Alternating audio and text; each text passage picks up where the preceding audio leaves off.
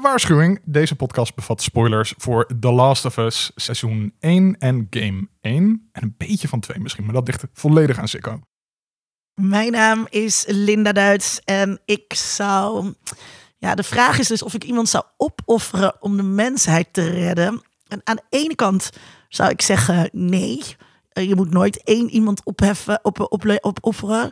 Iets met uh, de trolley uh, problem Ja. en zo. En aan de andere kant, ik heb echt een hele lijst van mensen die ik graag dood zou zien. dus als ik zou ik mogen kiezen, één van die om de mensheid te redden, dan zou ik ook zeggen één van die ook gewoon om, om egeltjes te redden of een andere diersoort. Of dan doe ik daar niet Het hoeft niet eens de hele mensheid te zijn, gewoon ietsje redden. ja, gewoon, gewoon ja, vijf mensen voor, die, voor een van die mensen op mijn hitlijst. Dan eh, vind ik dat ook prima. Eh, ja, jullie hebben duidelijk geen kinderen. Eh, nee, als ik heel eerlijk ben, eh, in dit specifieke geval denk ik eigenlijk van wel. Maar ik zou wel de clausule inbouwen dat je die persoon ook zelf gewoon vraagt. Want ik heb steeds, zeg maar, ik, ik blijf achter met het gevoel dat ze zelf ook best ja had gezegd. Als je had gezegd van, goh, sta je ervoor open om? En als ze dan nee zegt, dan gewoon alsnog doen. Zou je het je vrouw vragen? Ehm, hey, schat, wil jij dood? Ja, maar dat betekent wel dat je heel veel andere geliefden nog wel weer bewaart, zeg maar. Die anders aan een eh cordyceps-infectie zouden overlijden. Weet je, dat kunnen we opnieuw beginnen? Nou, doe, maar, doe maar even, doe maar even take two. Ja, Het wordt niet beter. je moet jezelf ook nog even voorstellen. Ja, je moet ook nog zeggen Oh dat ja. je sicko was. Ik ben sicko. Nou, ja, Eh, mijn naam is Volkert Koorn en ik zou... Ja, ik vind het ook moeilijk. Ik kom eigenlijk een beetje hetzelfde eh, bij Sikko eh, op uit. Ja, ik zou eerst consent vragen. En, en wat Sikko ook zegt, ik denk als, je als je Ellie had gevraagd, had ze het prima gedaan. Maar ja, ik denk uiteindelijk zou ik het prima doen. het was- Gewoon take Ja. voor het team. ja. Come on. Maar het was natuurlijk niet een sure shot. Dat, dat speelt ook nog mee. Nee, het is echt gewoon klaar. Dus het is wel... Kijk, het is een andere clausule. eh, Het was ook niet zeker of het zou werken. Precies, Nee, dat ja. bedoel ik. Nee. ja. Ja. Dus, dus als, als het zeker is dat dan de rest van de mensheid gered wordt en dat die, dat, dat medicijn er is, dat is natuurlijk iets heel anders dan er is een mogelijkheid tot een Ja. medicijn Maar ja, als je niet probeert, lukt het zeker niet. met haar. Niet geschoten is altijd mis. Ja. Ja. ja. Nee, ik zou dus, ja, ik zou dus wel echt iemand eh, opofferen. Ja, gewoon take one voor het team. En je gaat gewoon voor, voor eeuwig de boeken in als een legend. Daar moet je het ook voor doen. Ja, toch een soort Ja. superpower. Ja, Mijn naam is Tom Amoes en bij mij hangt het er heel erg van af wie het is of ik iemand op zou offeren. Dat is een beetje een cop-out, maar eh, ja, maar zo is het wel. Ik maar wie, gewoon, wie, wie, wie dan wel? ja, iemand die ik niet ken. Als, je, als iemand aan mij vraagt, Oh-oh. willekeurig Kijk uit, één iemand op de Ja. wereld gaat nu dood door een actie die jij doet, is het... Sure, gaat elke Ja. seconde iemand dood die ik niet ken. Vaak ook door een actie die jij doet, zoals vlie- Ja. vliegen naar Ja. Tenerife. Zoiets. ja, eh, weer een dat, dat doen we in de westerse samenleving natuurlijk elke dag eh, als we opstaan. Ehm, maar als je zegt, eh, nou, iemand die heel erg dierbaar is, gaat nu dood. Ja, dan zou ik toch eventjes mijn bedenking hebben. Ja, Maar als het, als het zeker is dat daarmee de wereld gered wordt, Ja, dan wel. Ja, Maar, dat- maar ja, dat soort zeker heb je nooit van tevoren. Dus je hebt altijd zeker, al- als het zo persoonlijk is, dat dat stemmetje in je eh, achterhoofd dat zit van, ja, maar misschien, misschien lukt het niet. En dan is het voor niks geweest. Ja. Dat zou bij mij wel heel erg sterk zijn. we hebben Eh, hier en zou je best winnen. gedaan. Dierbaren zijn dood, maar hey. Ja. You tried. gewerkt. You tried. Ja, ja.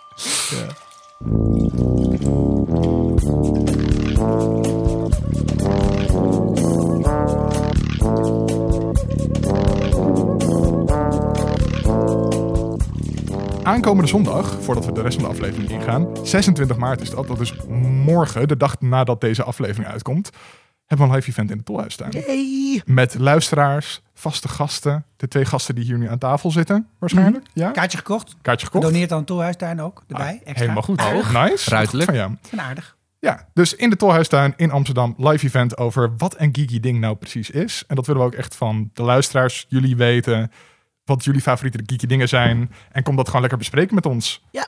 Wees ook, niet, eh, wees ook niet bang als je denkt, eh, oh, maar ik ken daar eh, niemand.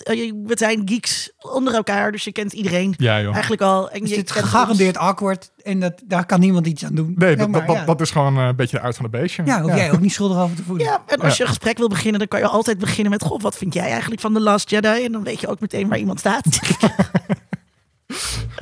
U hoorde ze al, eh Sikko de Knecht en Volkert Koehoorn zijn bij onze kat te gast. Jeetje, ik ben Jij bent, helemaal in de war van die kat. Ja, dat is echt, eh, dat schiet helemaal niet meer op.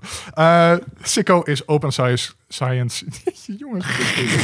Ehm, ik ga hierna gewoon niet meer praten Nu de even instarten. Ja, Ja, nee, begin gewoon opnieuw. nee, dat gaan we niet doen. Ik kan niet geknipt worden in podcast, Volkert. Dat weet je zelf ook. Dat is nergens voor nee. nodig. Nee. Eh Sikko is Open Science Coördinator bij de Universiteit Utrecht. De misschien wel de beste universiteit van van Nederland. Jezus.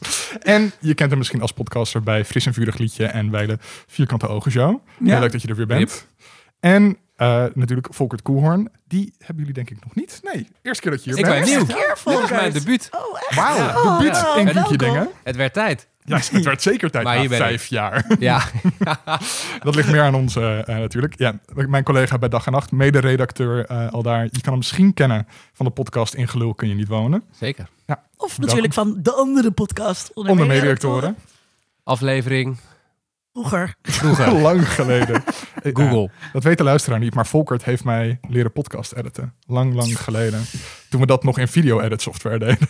In het eh, PC Hoofdhuis. Ja. Ik weet het nog goed. Goede Volkert tijden. heeft mij nog wel eens geïnterviewd over fris en vurig liedje en par- publieksparticipatie in opdracht van... Staat ook nog gewoon online in Ja? de omgeving van de Universiteit Utrecht. Volkert's scriptie. Ja, Ja. Begeleid door mij. Met, met mijn antwoord, ik weet niet wie er luistert, luistert. Maar dat Lekker eloquent.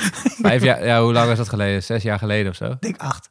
Acht jaar? Ja, echt lang geleden. Nou, niet acht, maar wel lang. Echt een Maar- stel podcast-veteraan hier aan tafel. Mhm. Ja, maar dat was wel mooi. Wa- Want als je nu ziet wat, er, hoe het veranderd is. Kijk, Sikko zit hier nu, maar die krijgt gewoon 300 euro. Mhm. Ehm, Niet van ons. Nee, we weten niet van Ik wie, weet ook maar... niet steeds van wie ik dat geld gewoon krijg. 300 euro. En toen was het nog gewoon, ja, podcast. Ik doe het gewoon voor de hobby. Ik denk dat George Ik het Soros wel is hoor. Ja, Ja. eh, Ik, ik weet ook nog wel dat het dag en nacht opgericht werd en dat we allemaal een beetje zaten van ja, geld verdienen met podcast. Wie kan dat nou doen? Ja. Dat moet ik eerst nog maar eens zien. Ja. Ja, eh, goed. Sorry voor dit zijspoor, luisteraar. We gaan door naar de terugblik. Eh Sikka, wat heb jij de laatste tijd gezien en beleefd dat je met ons wil delen? Ja, ik, ben, ik heb eigenlijk vooral heel veel dingen ingestart die ik vervolgens niet heb afgemaakt. Eh, en ik denk het meest notoire voorbeeld daarvan is iets waarover veel gepodcast heb in het verleden, The Mandalorian. Oh. Ik dacht na de eerste aflevering, dacht ik, ja oké, het is gewoon weer de boeken Boba Fett. Dag, eh, ik heb geen zin. Oeh. En ik ben niet doorgegaan. Dat is Dus vrij dodelijk. ik, eh, ik word graag eh, overgehaald om door te gaan eh, met kijken, maar eh, het is mij niet gelukt. En Maar waarom dan? Omdat het te veel wat je al kende. ja joh, weer een sidequest. En het zal wel. Ja, ik, ik, het, het interesseert me te weinig. En dan proberen ze mij te teasen met allerlei referenties aan, eh, aan tekenfilmseries voor kleuters die ik nooit heb gekeken. Met vliegende walvissen in een eh, weet ik veel. Ja, en, en dit is, ik spreek hier iemand die de Razor Crest van Lego thuis heeft. Hè? Dus niet alsof het... eh, ja, ja, ja. Alsof fan. Het, ja, alsof het niet heel moeilijk is of zo. Maar ik had gewoon zoiets en wat ook niet meehelpt is dat eh, mijn schoonzus op reis is. En nou, gewoon vakantie hoor, lange vakantie. En die heeft mij haar PlayStation gegeven. Dus je hebt andere prioriteiten. Dus ik had ondertussen een soort van... Hè, nou, dan kan ik al die games gaan spelen in voorbereiding op deze aflevering. Specifiek, ik heb alles gespeeld voor jullie. Eh, en eh, tussendoor kreeg ik ook nog, omdat zij een PlayStation 5 had gekocht, kreeg ik die ook bij mij bezorgd.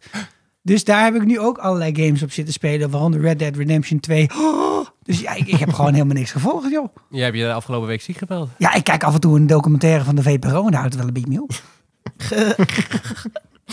Goed. Ehm, even kijken. Volkert. Ik ben eh, laatst naar eh, de bioscoop geweest. Oh, een uitje. Zo, zo gaat het toch al, dat het begin van de film? Ja, ja, ja. gewoon het Of eigenlijk- plop- Nee, dan moet je eigenlijk bij een de, hebben. bij de, Ja, die bij de hebben die. golfsflesjes. Maar ik ben naar de film The Banshees of Insurin geweest. Oh ja. Eh, ik weet niet, hebben jullie die gezien? Nog niet. Nee, maar ik heb het gevoel dat ik de, de, het, zeg maar, deel 1 daarvan heb gezien. Dat heet volgens mij In Bruges. En dat Ja. is iets van 15 jaar geleden Oh, maar uitgekomen. god, Maar, dat was ook zo'n goede film. dat was toch fantastisch? Ja, maar, maar het heeft het daar is- niks mee te maken. Het heeft daar absoluut Nee. niks mee te maken. Het is ook een compleet ander verhaal. Ehm, het gaat over... Ja, ik kan wel een beetje uitleggen, toch? Waar het over gaat. tuurlijk. Niet- eh, het, het speelt zich af in Ierland. Mhm. Zeg ik dat goed? Ja. Ehm, en er zijn ehm, ja, twee mannen op een klein eilandje in Ierland.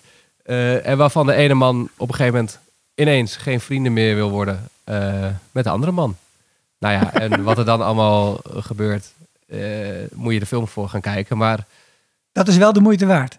Ik heb echt, eh, echt genoten, ja. Oké. Ja. Ja, ik, ja, ik vond het wel echt een hele leuke film. Waarom? Omdat je een soort van...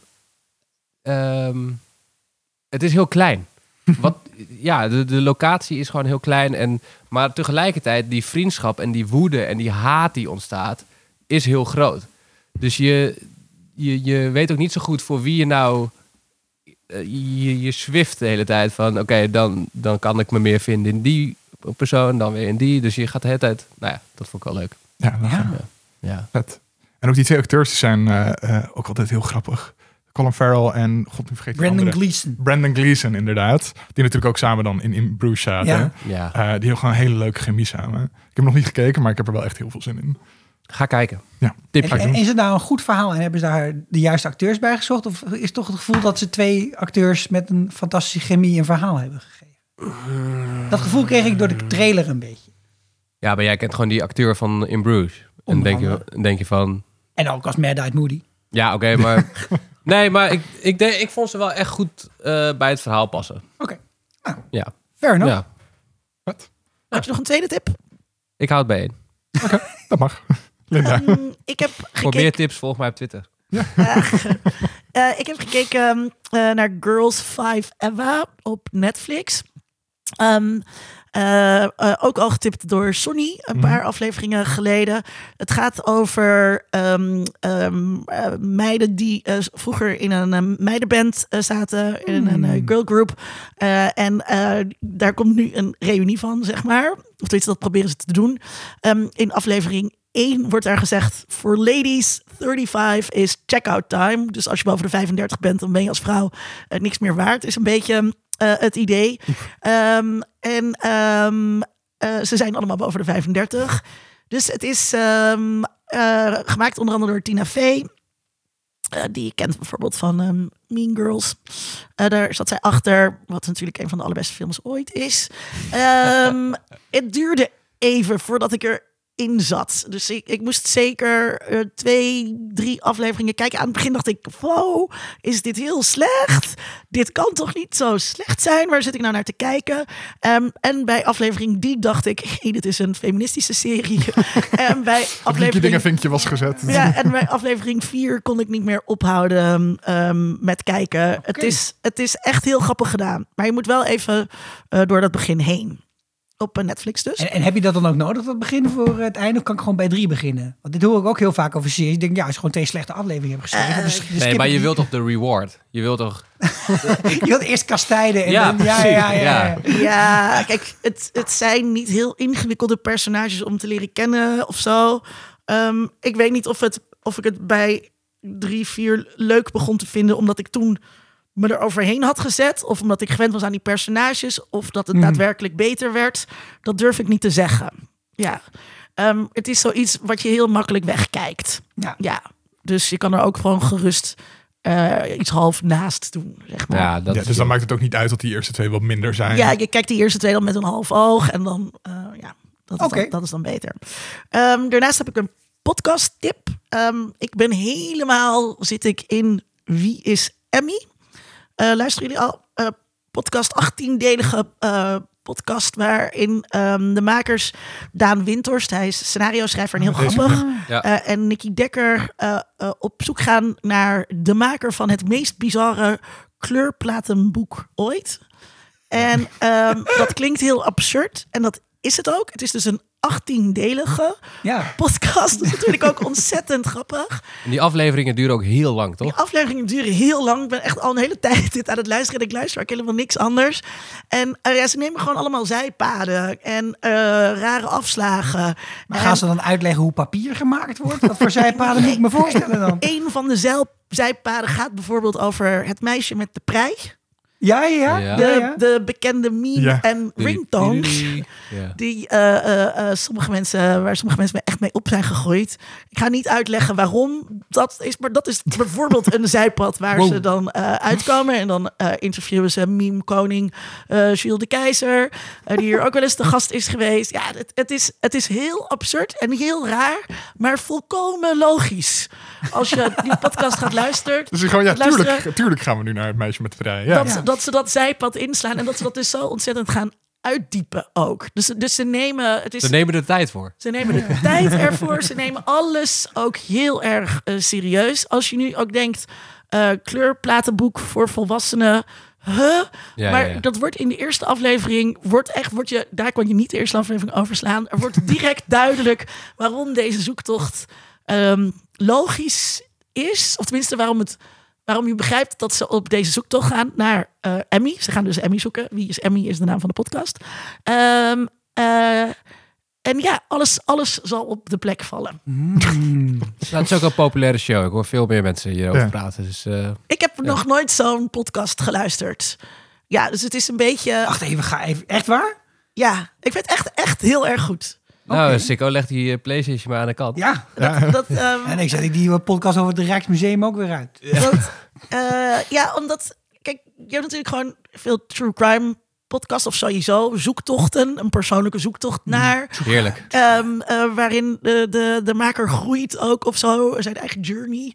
Eh, en dat is allemaal, vind ik allemaal stom. En, eh, eh, en true crime vind ik eigenlijk ook niet leuk meer sinds ik heb bedacht dat ze toch nooit erachter gaan komen wie het Ja, heeft gedaan. ja. Want dan wist je dat al wel. Ja. Ehm, en eh, hier, ja, dus ik weet niet of dit nou, of ze nou bewust dat idee zeg maar parodiëren. Het gaat meer om de reis dan de bestemming. Ja, ja. Nou, ik wil ook wel echt, eh, ik moet er nog een paar, maar ik wil ook wel echt heel graag weten wie Emmy is. Ja, Maar, je weet dus de vraag niet die in de titel zit. komen. Eh, eh, ik heb daar een spoiler over gelezen in de nieuwsbrief van ehm, Lieve Heermans. Heb je je wel voor die spoiler, lieve. Maar Maar, oh. die ga ik niet herhalen, want Ah. Nee. dat is... Ja, Dat ik heb een beetje nu aan. besloten dat ik dat soort dingen niet meer luister als ik aan het einde geen antwoord krijg. ja. Zal ik hem afluisteren?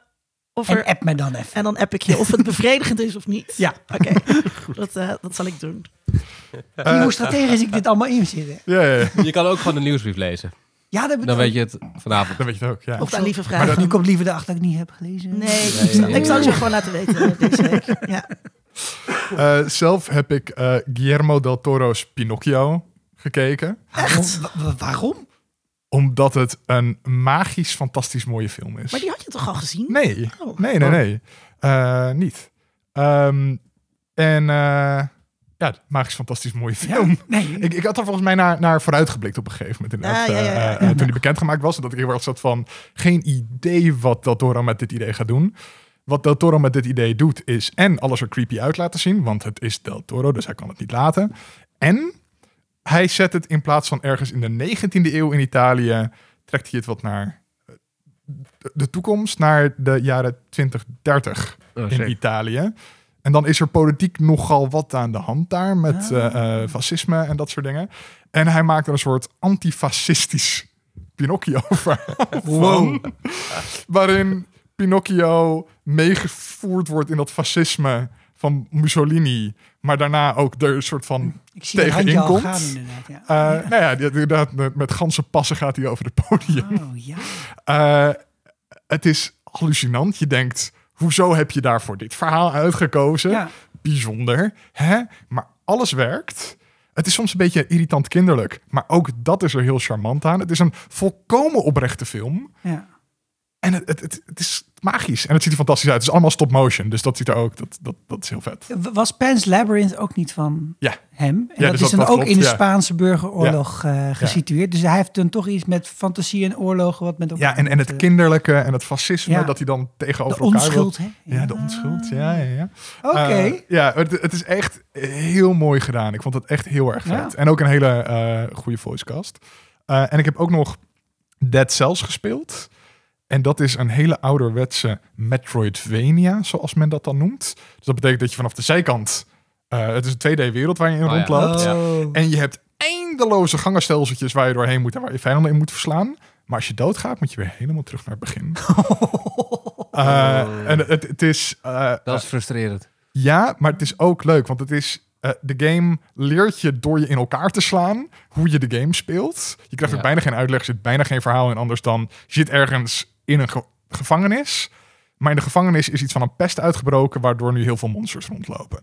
Dat is basically alles wat je hebt. Ik weet niet of daar meer in uitgelegd eh, eh, gaat worden. Jazeker.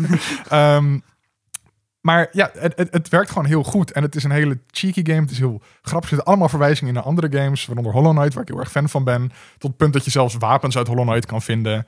eh, die je ook kan gebruiken, zodat het spel speelt als Hollow Knight en niet als Ja. zichzelf. Dat is, Eh, het is heel grappig. Het is heel erg leuk gedaan. Heel vet. Eh, dus als je van dat soort games houdt, eh gaat spelen. Nog één keer de naam. Dead Cells. Dode cellen. En op wel, waar speel je dit op? Eh, eh, het staat volgens mij op werkelijk elk platform, maar je kan het gratis spelen als je Game Pass hebt. dat was bijna elke game. Nou, dat valt echt vies mee hoor. Nou, Ja, vies Mm. tegen. Vies tegen. Vies tegen. Was helemaal niet vies tegen, Frans. Tut, tut. Wat een bruggetje. Jezus. Die hou ik erin. Eh dus voor de luisteraar, je hebt er maar mee te doen.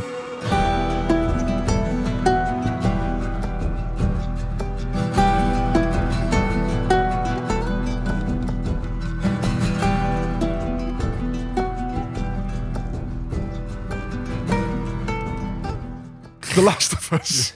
we gaan het erover hebben, jongen. Eh, ja, Eh, dat is natuurlijk gebaseerd op een game. En daar wilde ik dus eerst even mee beginnen. Hebben jullie het gespeeld? We weten al van Sikko dat hij dat heeft gedaan. Speciaal voor ons. Zekertjes. Ja, Volkert? Zeker.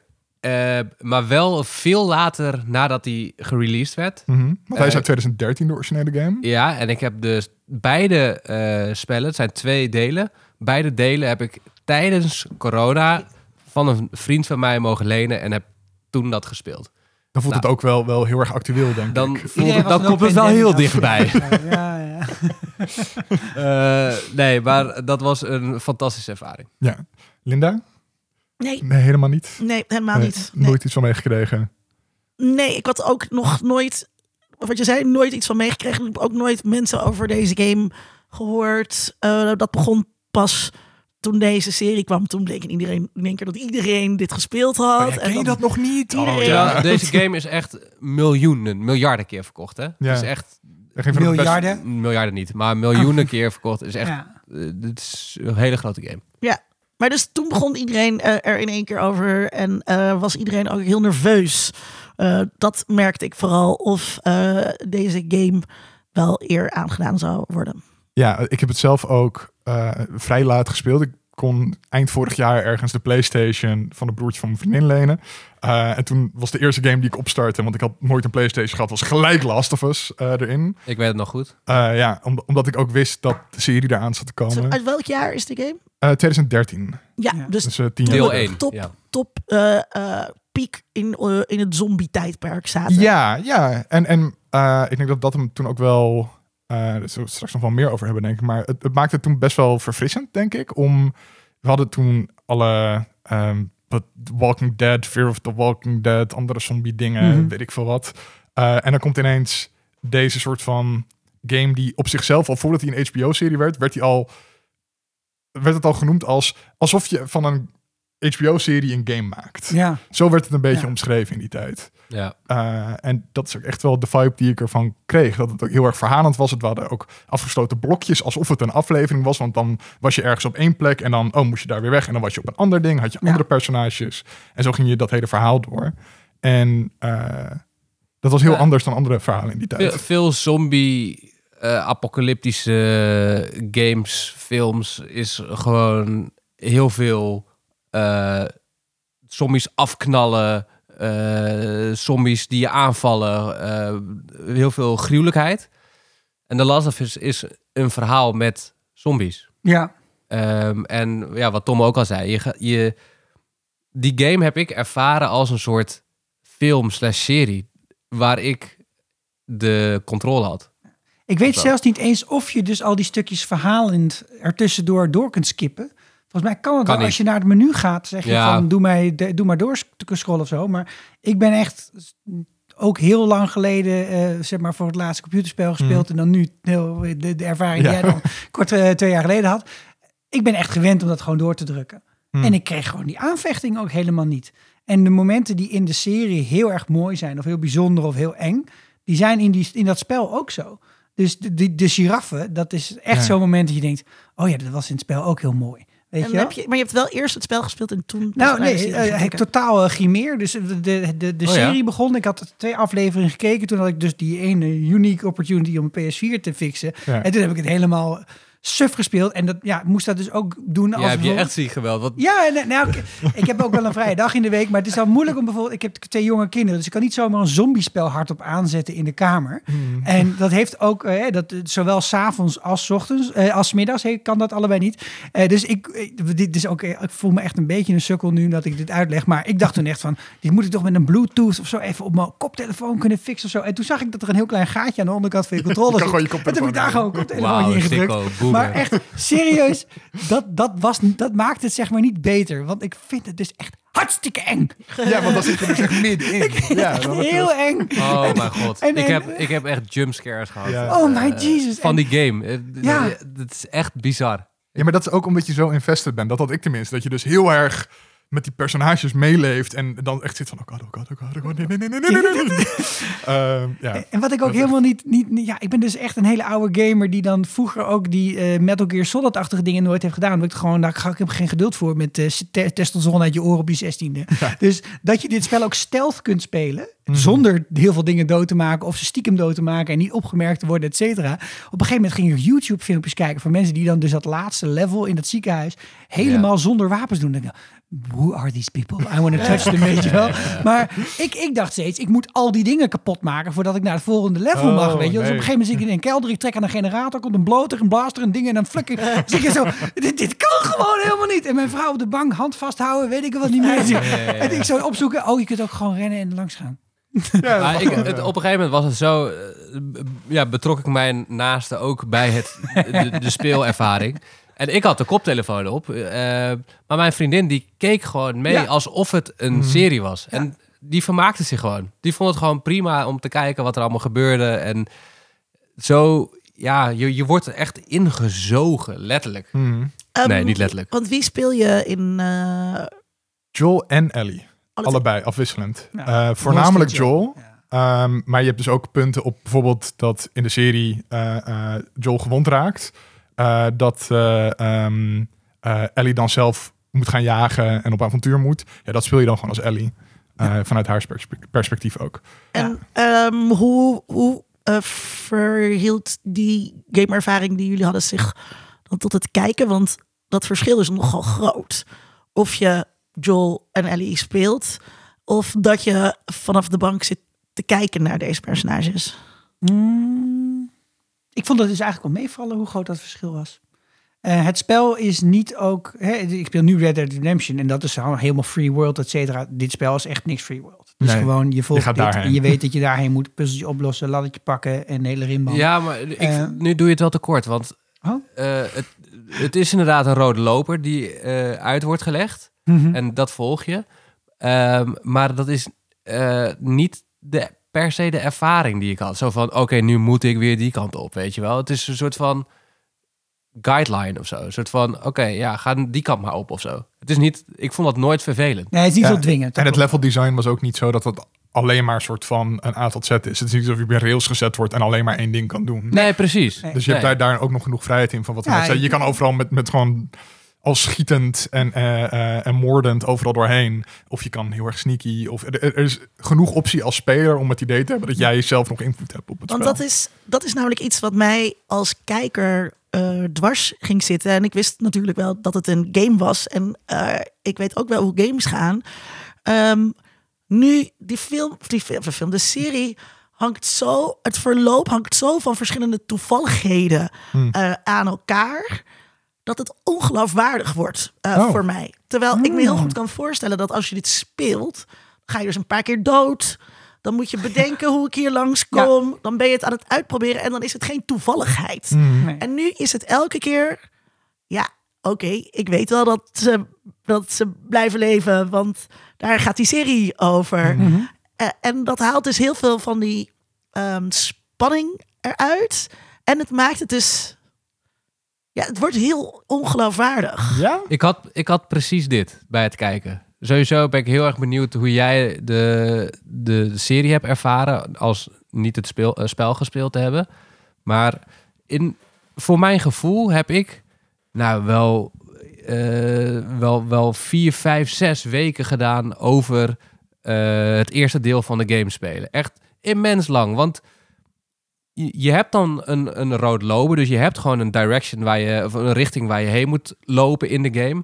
Maar je hebt geen idee. Je moet allemaal dingen ontdekken. Oké, kan ik hier langs? Kan ik daar langs? Dus je bent op sommige stukjes ben je gewoon een half uur bezig om uit te vinden Mhm. waar je langs moet. Want ja, alles is ingestort en je moet een gat zien te vinden waar je dan weer door kan.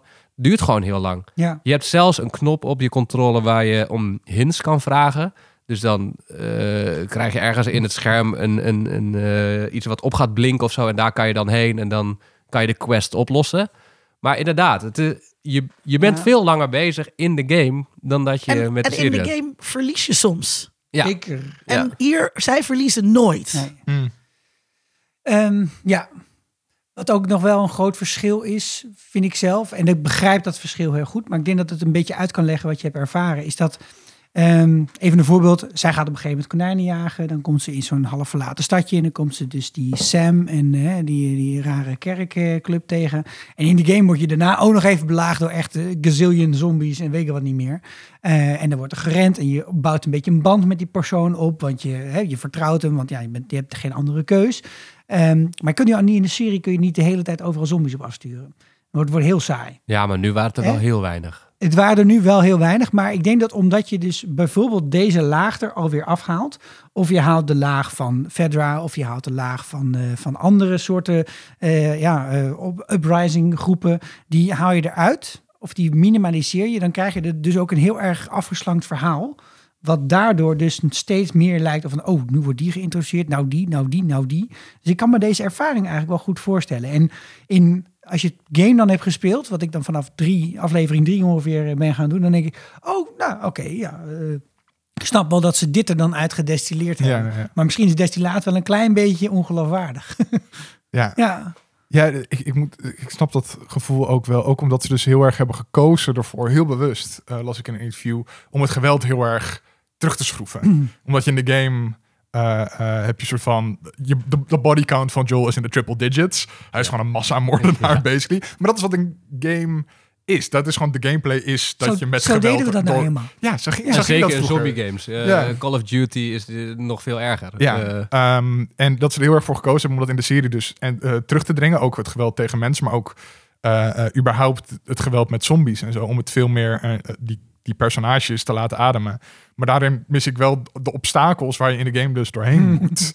Eh, eh, waarin je kan zien wat voor personen het zijn, doordat ze dingen aan het doen zijn. In plaats van dat ze met elkaar aan het praten zijn, omdat Ja. daar dan die personages uit maar Linda, toen jij aflevering 1 ging kijken, en eh, had jij een idee wat je... Had je een verwachting?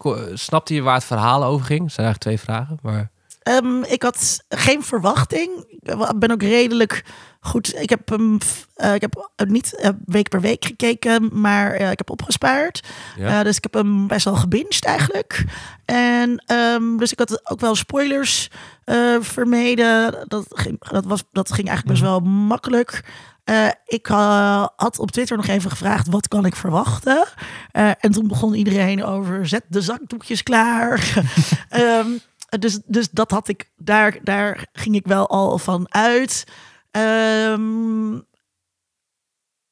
ja, dus ik wist wel dat het over relaties zou gaan. Mhm. En ik wist dat het over zombies ging. En ik wist dat Pedro Pascal erin zat. dat was moeilijk te missen, inderdaad. En, Eh, en, ehm, en, en ja, je kan, je kan het heel prima volgen. Het is niet heel ingewikkeld. Nee. Ehm, ik heb heel veel zombiefilms eh, gezien. Ik heb eh, heel veel The Walking Dead gekeken. Ja. Ehm, je, kent, je kent een beetje de opbouw ook. Eh, ik was heel verrast dat het zich dus in een andere tijd afspeelde dan eh, waar de eerste aflevering over gaat. Eh, ik was heel verba- verbaasd dat dat meisje ook echt dood was. Ehm, Toen later dacht ik nog, nou, zou het niet... eh, en dan ga je ook heel racistisch. Dan komt er een zwarte vrouw in beeld. Dan denk je, zou dat niet zijn dochter zijn? Ehm, dus ja, dat, dat eigenlijk een beetje. Maar waarom denk je dat het niet te volgen zou zijn? Nou, Ik denk dat als ik de games niet had gespeeld, dat ik de serie bij lange na niet zo vet zou vinden. Mhm. Mm. Denk ik. Want ik vond het nu... Ik zat de hele tijd... Oh, dit zit ook in de game. Oh, ik zat de hele tijd te refereren naar de game. En wat ik- ik soms herken je echt zijn, zijn dingen ofwel shot voor shot. Ja, dat. Echt, ja, Ja. en, en of, of dat, je, dat ze in de achtergrond ergens zit. Dat je zo van, oh, dit lijkt heel erg op dat level. Dat gewoon dat er heel veel, er zitten heel veel knikjes naar de game in. Nou, ik heb best wel wat games gespeeld. En er zijn er gewoon twee die er echt uitspringen. Dat is gewoon de GTA-serie en The Last of Us. Dat, was, dat, dat heeft echt... Dat vond, vond ik zo vet om, om mijn tijd aan te besteden. En nu dat er... Ik was zo enthousiast dat er een serie over werd gemaakt. Maar ik dacht wel van... Oh mijn god, hoe gaan ze dit in godsnaam Ja. doen? Maar als ik die, die game niet had gespeeld... Dan had die serie mij echt veel minder ge, eh, Nou, is meer dat is juist, dus ook wel juist zo. de her- Dat is dus ja. ook zo, ja. Ja, Ja, dat maar dit is dus wel juist de herkenning. Ja. Van, van, oh, maar dat is net als dat ene hele goede ding dat ik heb gezien. Dat dat, dat, dat meer is. Dat Ja, je daar de herkenning-. Exact, want het ziet er precies hetzelfde uit als in de game. Ja. Ja. En als dat niet zo was, dan was Ja, het ook al... Maar, maar ik heb ook ja. dus wel het gevoel dat er in die game wel echt ook heel veel liefde en werk zit. Hmm. Zo'n zo'n aftiteling van die game is ook niet van Jan Ari zo lang, zeg maar. Dus er hebben echt heel veel mensen aan meegewerkt. Dus als ik dat dan probeer uit te leggen aan mijn ouders, die zitten dan echt aan, maar waar, een game, zeg Maar- nou, dat zijn maar- producties eh, waar mensen over nadenken. Maar En- is het dan niet een intense reductie en eh, eh, een plat slaan eh, in, die, in die, die vertaling zeg maar, van die game, waarin je dus veel meer met die hoofdpersonen meeleeft, omdat Ja. je ze speelt, omdat je eh, eh, eh, met ze doodgaat, omdat je, net als zij, dingen moet proberen. Dat zit dus allemaal, daarom zei ik, hè? Dus ehm, een game is een lean forward medium. Je bent heel actief daarin bezig in die wereld. Je leeft echt dat verhaal. En een, en een, en een serie kijken is is een, ja, is een lean backward Ja. Ja. medium. Je bent veel minder invested. Ja.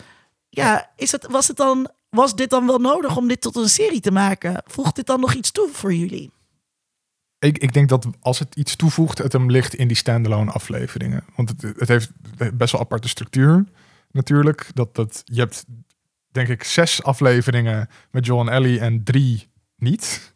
Ehm, en vooral dan aflevering drie spreekt daar heel erg in uit. Ja. Ehm, Ja. maar, maar tegelijkertijd vond ik dat ook een valkuil. Want dat, dat voegt dus iets toe voor mij als, als speler van de game. Dat bepaalde verhalen waar licht naar verwezen wordt in de games. heel erg uitgebreid en soms best omgegooid worden. Eh, die meer diepte geven aan personages die je normaal verder niet zag. Maar dat gaat ten koste van de relatie die je als kijker met John Ellie opbouwt. Ja. Omdat daar minder ruimte aan gegeven wordt. Ja, terwijl ik wel ook aflevering 3 heel mooi vond. Ja. Ja. Dat is Ja. echt een tranentrekker. Ja, en ook de aflevering over Ellie eh, en eh, haar vriendin. Ja. Riley, ja. Ja, Aflevering 3 ging over eh, Oh ja. De, even de namen. Bill en Frank. Bill en Frank, Frank, of ja. course. Eh, die in een soort gesloten gemeenschap leven. Echt tien jaar Een lang. gated was het. community. Een gated community leven. Met z'n tweeën. Eh, en uiteindelijk eh, ja, besloten, besluiten om eh, er toch een einde aan te Ja, maken. uit het leven te stappen. Ja. Nou, weet je, ik ben dus echt heel erg van de categorie. ehm, ik hoef niet per se achter elk bronverhaal dan helemaal de origin van shit te weten. Maar ik vind het wel heel relaxed als mensen met een paar hints op een logische manier een heel mooi eigen verhaal craften. Dus ik vond dat dus ook fantastisch aan die derde aflevering. En ik vond het bijvoorbeeld heel erg leuk en ook jammer eerlijk gezegd dat het niet doorzette. Dat die eerste twee afleveringen ook begonnen met zo'n soort van eh, Remember the beginning of the pandemic. Ja. En dat niet omdat ik dan per se wil weten hoe het zat of zo. Maar omdat ik het gewoon heel creatief vond hoe mensen ermee omgesprongen waren. Wat, wat er dan gebeurd zou kunnen zijn op dat moment. Wat niet prescribed is. En er zijn zelfs een paar verhaallijnen uit de game. Waarvan ik eigenlijk had verwacht dat ze er wel wat mee hadden gedaan. Ja, maar niet ook. hebben gedaan. Bijvoorbeeld dat ze in dat lab zijn waar die apen rondlopen. Die apen, daar hebben ze experimenten op gedaan. Daar kom je achter als je voice recorders oppakt Mm. en briefjes en labbooks openmaakt. Wat ik ook heel leuk vond aan deze game. Want je kunt ook hebben zo, fuck it, ik pak gewoon de wapens. En dat is dan moeilijk genoeg. Ja, Maar, er is hè? heel veel soort van, hoe heet dat ook weer, ambient storytelling Ja. of zo. Dat je Ja. dus, er is heel veel in de wereld dat jou iets vertelt over die wereld als je oplet. Ja.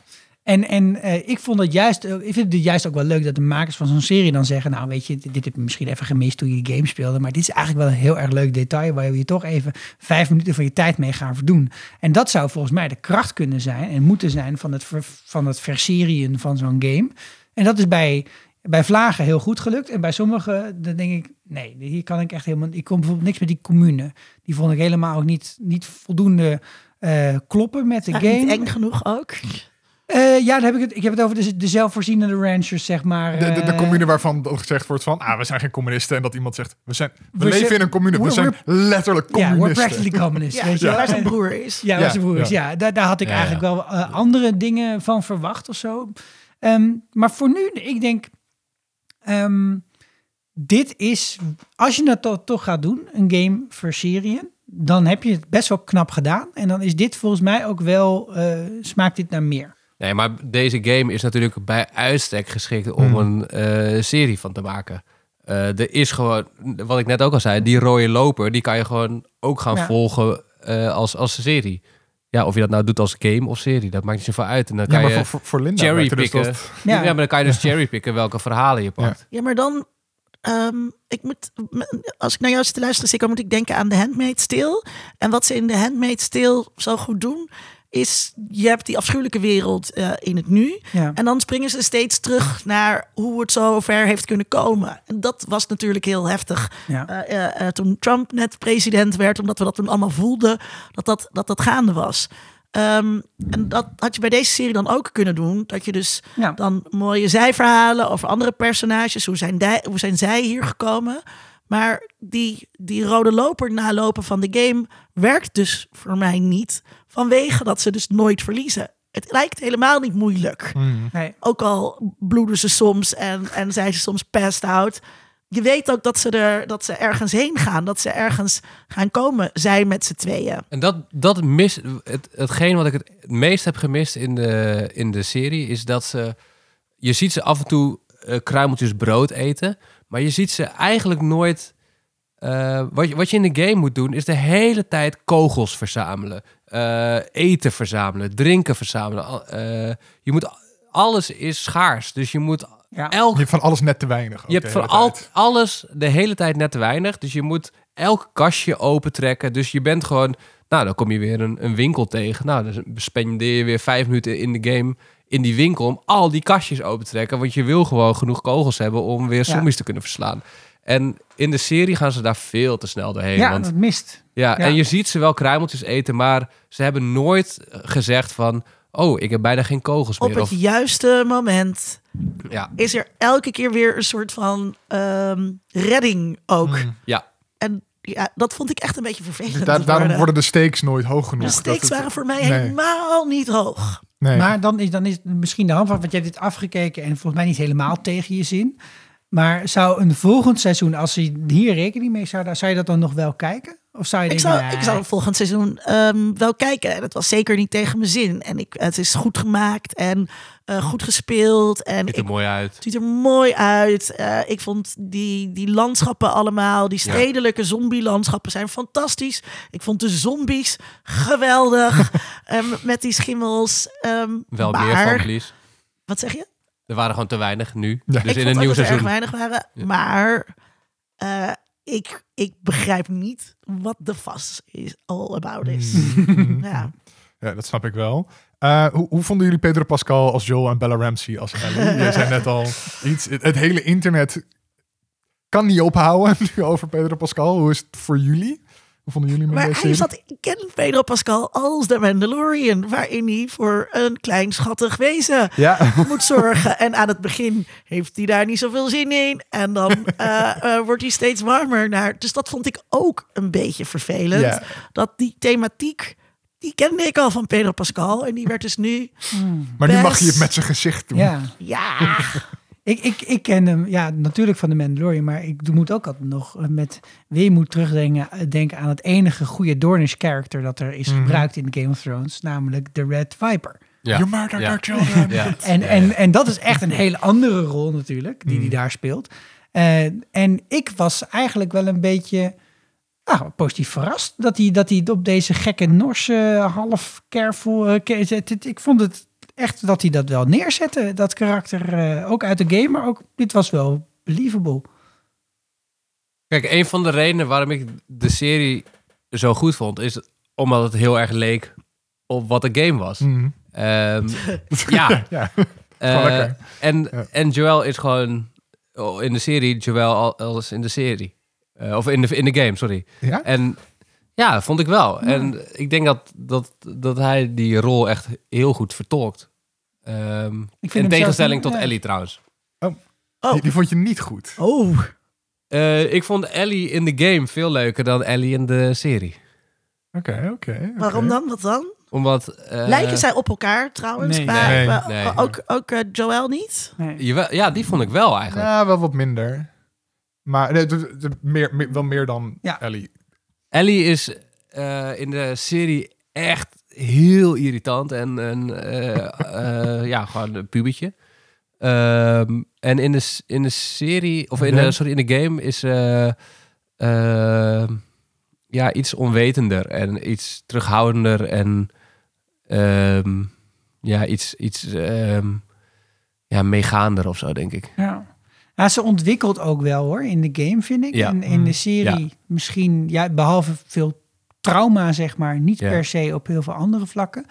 Eh, ik vind Bella Ramsey een heel erg leuke actrice. Mhm. En eh, ook weer een eh, kleine Game of Thrones eh Mormont eh, throwback, maar ik dat gewoon Want in, in House of the Dragon zit ze maar een heel klein beetje. Nee, nee, nee. In eh, eh, eh, het laatste seizoen van Game laatste of Thrones. seizoen van Game Oh, of wacht. Thrones. Ja. zij is Ja. van House Ja. Mormont, Ja, is zij ja. de laatste heerser die nog over is. En daar had ze de hele goede pizzazz, zeg Ja, maar. En ik denk vet. dat ze ook om een beetje om die reden haar wel hiervoor hebben gevraagd. Hmm. Ik denk, zeg maar, als je dus de game niet kent, dan kan ik me voorstellen dat je, dat je het echt helemaal prima vindt. Dat het misschien zelfs heel erg leuk vindt hoe ze die rol vertolkt. Kan ik me Hmm. zo Ik voorstellen. vond haar heel leuk en goed Ja. en interessant. Ja. En als je het afzet tegen de game, is het gewoon niet wat je helemaal verwacht. Want ze hebben die game eh, uitgebracht. En ik, dit zat ik nog op te zoeken van waar doet ze me nou aan denken. En ze lijkt dus op Elliot Page.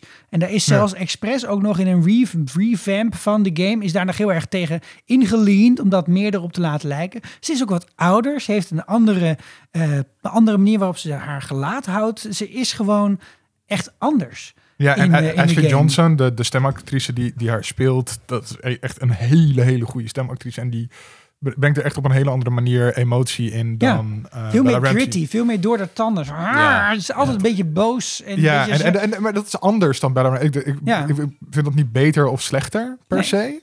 Eh, eh, Bella Ramsey is echt meer een puber eh, Ja. eh, dan, dan eh, Ashley Johnson's Ellie. Ja. Ehm, ja, dus daar is allebei wel iets voor te zeggen. Ik had wel met Joel dat ik Pedro Pascal te knuffelbaar vind voor die Ja? rol. Ja, ik had echt... eh, Joel in de game is veel harder. ja. Is, is echt een psychopaat. Nou, en doet, Eh. die, doet, die, doet die laatste eh, aflevering niet het een en ander af? Aan Ja, dat jawel, alleen, knuffelbaar, alleen daar vond ik dus... eh, ehm, Daar schiet hij echt min- minder passend of zo. Ja, ja. want je hoort door de serie heen... Daar zag je een beetje hoe Joel in de, in de game is. ja. Mijn god, hè. Ja, Maar de andere- dat is ook hoe ik door dat ziekenhuis ben gegaan. ja. tang, tang, tang. Maar de andere zeven afleveringen ben ik het wel met Tom eens. inderdaad. Ja, maar, maar, dit- maar in- en daarom eh, landt dat voor mij niet zo. Omdat je niet... Je, in, in het begin heb je een beetje nog de gewelddadige Joel. Maar dan als hij op reis gaat, is hij een beetje... de- We doen nou zo'n man die er niet zoveel zin in heeft. Begint, eh, begint de game ook ehm, in, eh, in het vroeger? Ja. Ja. Eh, dus daar zie je ook wel dat zijn dochter doodgaat. Ja. Ja. Ja, dus je weet waar hij vandaan komt. Ja, want die, Dat is zeg scène maar, één. what's his motivation? Het, het ligt zo... Het wordt zo allemaal voor je uitgespeld. Ja. Weet je wel, oké, hij was die vader, was ook al een beetje stug, maar heel erg met die dochter. Ja. Oké, nou dan gaat zij dood. Natuurlijk verzuurt hij dan. En dan komt er weer ehm, een dochterfiguur in zijn leven. En natuurlijk ehm, smelt hij dan langzaam voor haar. Ja, Dat is it's zo, cargo. Het It's is, just cargo. maar het is heel, het is heel clichématig. Ja. En Ja. in The Mandalorian voel ik dat dus wel helemaal. Hoe die voor Baby Yoda valt. En dit, want daar zit er ook nog, daar staat iets op het spel. Terwijl dit is zo obvious hmm. dat hij warme gevoelens gaat ontwikkelen voor Maar- een maar meisje van de de game leeftijd dus wel van zijn om- dode om- dochter. In de game is Joel echt harder. En is dat, dat opwarmen duurt veel langer eh, eh, dan, dan in de serie. Eh, en gaat het ook niet van het ene op het andere moment. Zoals volgens mij in de serie is er echt een, een kantelpunt op een gegeven moment. Had ik het idee. Ja. Ja. Nou, anyway. Maar, en daardoor was het voor mij wel wat, wat gelaagder dan die andere. Misschien ook door het verschil in wie je dan kiest om dat te spelen en hoe je die serie eh, opbouwt, hadden ze eigenlijk misschien wel twee dingen kunnen omdraaien. Dus als je de game speelt, heb je hem afgespeeld en daarna kun je eigenlijk het stukje met Riley en eh, Ellie spelen in, eh, met de draai, met de carousel, et cetera. En dat wordt, dat, dat is een soort helemaal standalone dingetje. En er zit nog wat andere frutsels zitten daaromheen. Is het ook queer in de game? En ehm, je kunt, dat hebben ze besloten om daar gewoon aflevering 6 van te maken. Gewoon Ja. helemaal midden in het lopende verhaal te zetten. Als een hele lange flashback midden in de serie. Wat ik op zich niet per se fantastisch vond, eerlijk gezegd. Maar Was te snel. Ja, en, en, en juist als je dit verhaal wil een beetje laten ontpoppen van hoe Joel meer voor haar, om haar gaat geven, had je misschien wel kunnen besluiten om juist de eerste aflevering niet de opening te laten Ja, ja, ja. kunnen zijn van Ja. de game en dat later te gebruiken als Om, een om te flashback. draaien. Ja, en, Ja. en dat is meer. Ja, dit, ik, ik kan me niet voorstellen dat het niet een writer desk is geweest waar deze eh, beslissing heeft gelegen op tafel met een Mhm. groen kaartje en een- en een paars kaartje van welke gaan we doen. En ze hebben dit gekozen en ik denk eigenlijk dus ook specifiek weer eigenlijk voor de niet-gamer was het denk ik slimmer geweest om die flashback te bewaren Ja. en Ja. een logisch kantelmoment Ja. te maken later in de serie. Dat was veel spannender geweest. Ja. Ja. We kunnen misschien nog opnieuw editen, zeg maar. Ja. Dat we speciaal voor jou de Linda gewoon maken.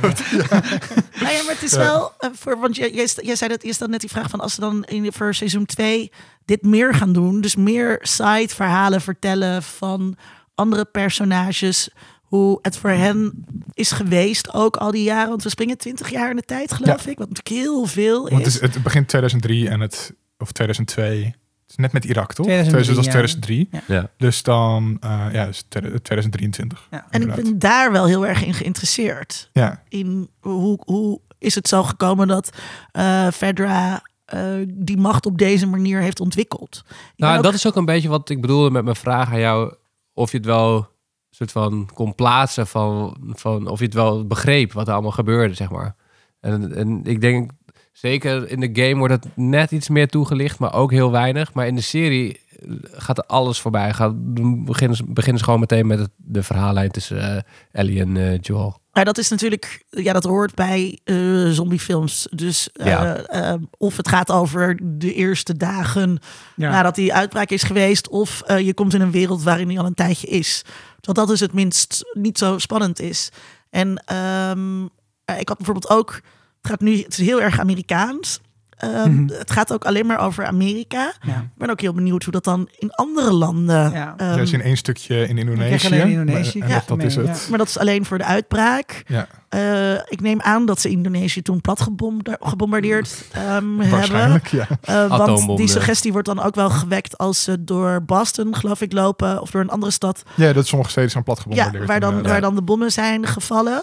Ehm, maar ja, hoe is het nu in Mexico? Wat toch ook niet heel erg ver is van de. VS, waar je met radio's, wat je met radio's moet kunnen bereiken, of, of Canada. Ja. Ehm, eh, kan je daar dan heen om aan Fedra te ontsnappen? En, ehm, in, de, in de game gaan ze hier ook niet echt in, op in, maar je gaat wel, je bent wel aan de kust. Dus je krijgt wel een soort van idee van dat er ook eh, allemaal bootjes zijn waar mensen nog op zitten en die af en toe aan land komen en dan weer teruggaan. Oh ja, ja. Oh. Ehm, Maar dus als je, als je dus, eh, denk ik, als je een adaptatie doet, daarom hè, dus die game is zo gelaagd en dat, en dat lijkt me hartstikke tof om die game te spelen. Maar als je dan een adaptatie doet, dan moet je ook kijken naar wat kan ik dan met tv meer, ja. Ja. wat ik in die game Ja. niet kan. Om, Ja. om gebruik te maken, zeg maar, van de mogelijkheden die een medium biedt. Ja. Ja. Ja, eens. Ehm. ja. Ehm, ja, we hadden het net ook al een beetje over die verhouding van tussen eh, andere zombie-avonturen en zo. Maar Sikko had daar binnen nog wel een dingetje dat hij zei: Ik wil even nerden over Cordyceps. Ja, ja. Ja. ja. dit heeft duidelijk ook de maker van die game heeft dat gegrepen. En, en ik, ja, ik wist gelijk waar dit eh, aan refereerde. Ik heb inderdaad ooit die documentaire van volgens mij Planet Earth gekeken. Waar je zo'n mier ziet die dan eh, een geïnvaseerde, invasieve schimmel krijgt. En die gaat een beetje lopen. En Ja. eh, daarna zoekt hij ook het hoogste punt op om dan een paddenstoel uit zijn kop te hebben. Die dan pff doet. En dan is de rest van de mier is ook de lul. En dat, ja, dat vond ik een heel erg cool concept dat je Mhm. daarmee werkt. Dus het is, het is, het is leuk bedacht. eh, en ook eigenlijk best goed uitgevoerd. Maar er zitten wel voor mijn gevoel een aantal dingen in waar je denkt... Ja, maar wa- wacht heel even. Ik heb daar Want wel wat vragen bij. Ik heb wel wat vragen in principe. Ehm, Want ze zijn met elkaar verbonden. Nou, Maar dat, niet echt. Ja, oh, Ja, maar dat is nieuw in de serie. Ja, ja, dat, is hier- niet, dat is dus niet En uit als de game. Jij Als pakt dan- gelijk die pijnlijke punten weer. eh. Maar als je dan op een stukje eh, schimmel gaat staan, dan activeer je hen allemaal. Maar Ja. je zit niet met wakker. schimmel allemaal aan elkaar vast. ja, nee, dit, dit, dit idee van een ondergronds netwerk van schimmels. Van eh. Dat vind ik leuk. ik van zit- schimmels, Ja, inderdaad. nou, en ik weet dus niet eens, eh, dat is al 2013 gemaakt. Het is echt volgens mij een vrij recente ontdekking.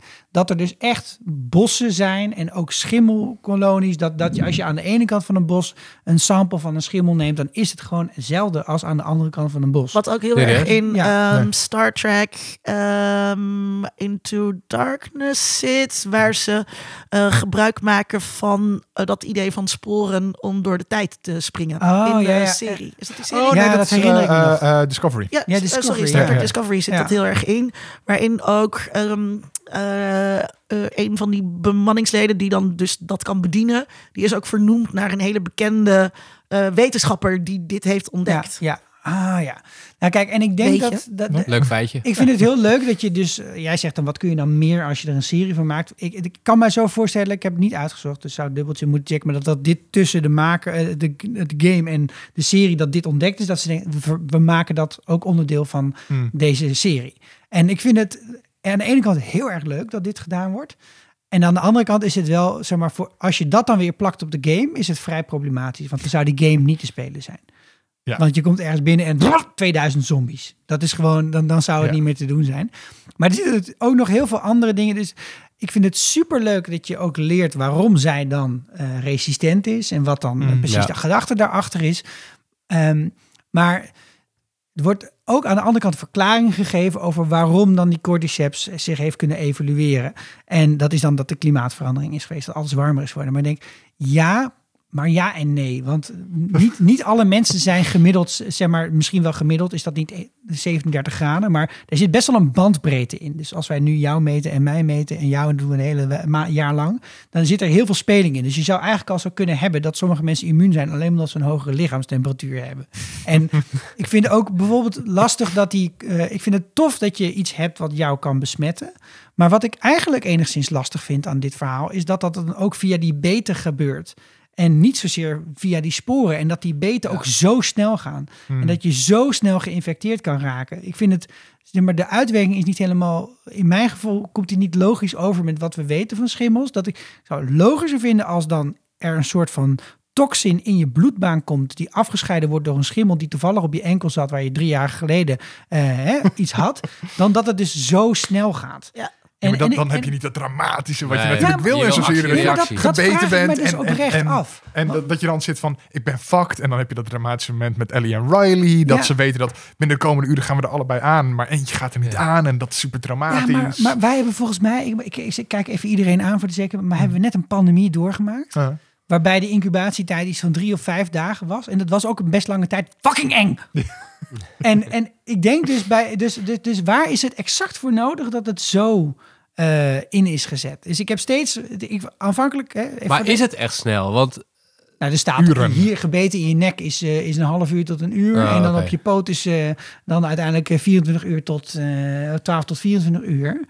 En ik denk dan bij heel veel dingen van, ja, eigenlijk, het is niet per se 100%. Had even een wetenschapper erbij getrokken. Ja, en, ja, wat, ze, wat ze zeggen. ehm, op een gegeven moment wordt er gezegd van we weten niet, eh, want dan vraagt Ellie van wa- wat is er nou precies gebeurd. En dan zeggen ze we weten het niet, maar we vermoeden ehm, Ja. dat er iets in het eten Ja. eh, is gekomen. En het is natuurlijk heel erg eh, in die eerste, allereerste aflevering zou zij pannenkoeken voor hem bakken. En Ja. dat heeft ze dan niet gedaan, want de pannenkoekmix is op. En dan later wordt er gezegd, we weten niet waar het in zat. Misschien wel in de pannenkoekmix. Dat vond ik ook. Oké. Ehm, maar daaruit maakte ik dus op dat mensen aten dat dus en die bleken besmet te zijn. Ja. Terwijl het tegelijkertijd ook ging om gebeten worden. Ja, maar je kunt dus de oorspronkelijke cordyceps, die is dus waarschijnlijk, en dat wordt in de game wel uitgelegd, en hier wordt het nog eigenlijk wat meer toegelicht, is gekomen van graan. En die graan, in de game komt het uit Zuid-Amerika en hier komt het uit Azië, wat logischer is, want daar is er ook meer cordyceps. Ehm, maar dan wordt er gezegd, het heeft zich over de wereld kunnen verspreiden in een rap tempo. Maar als er nou nog één product is wat we op deze wereld niet met een hele hoge spoed vervoeren, dan is het fucking wel graan. Ja.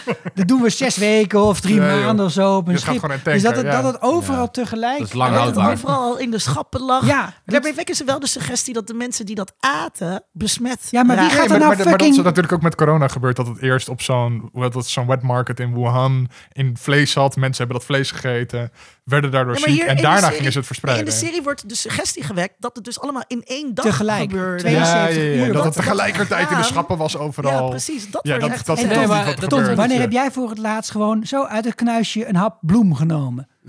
Niet, Niemand, nee. Dus wat doe je ermee? Je doet het in een cake of in een pannenkoek of in een Ja. koekje. En weet je, wat doe je dan? Verhit het tot boven de 100 graden. Dus, dus ik heb daar gewoon een beetje issues mee. Het had niet op die manier gehoeven.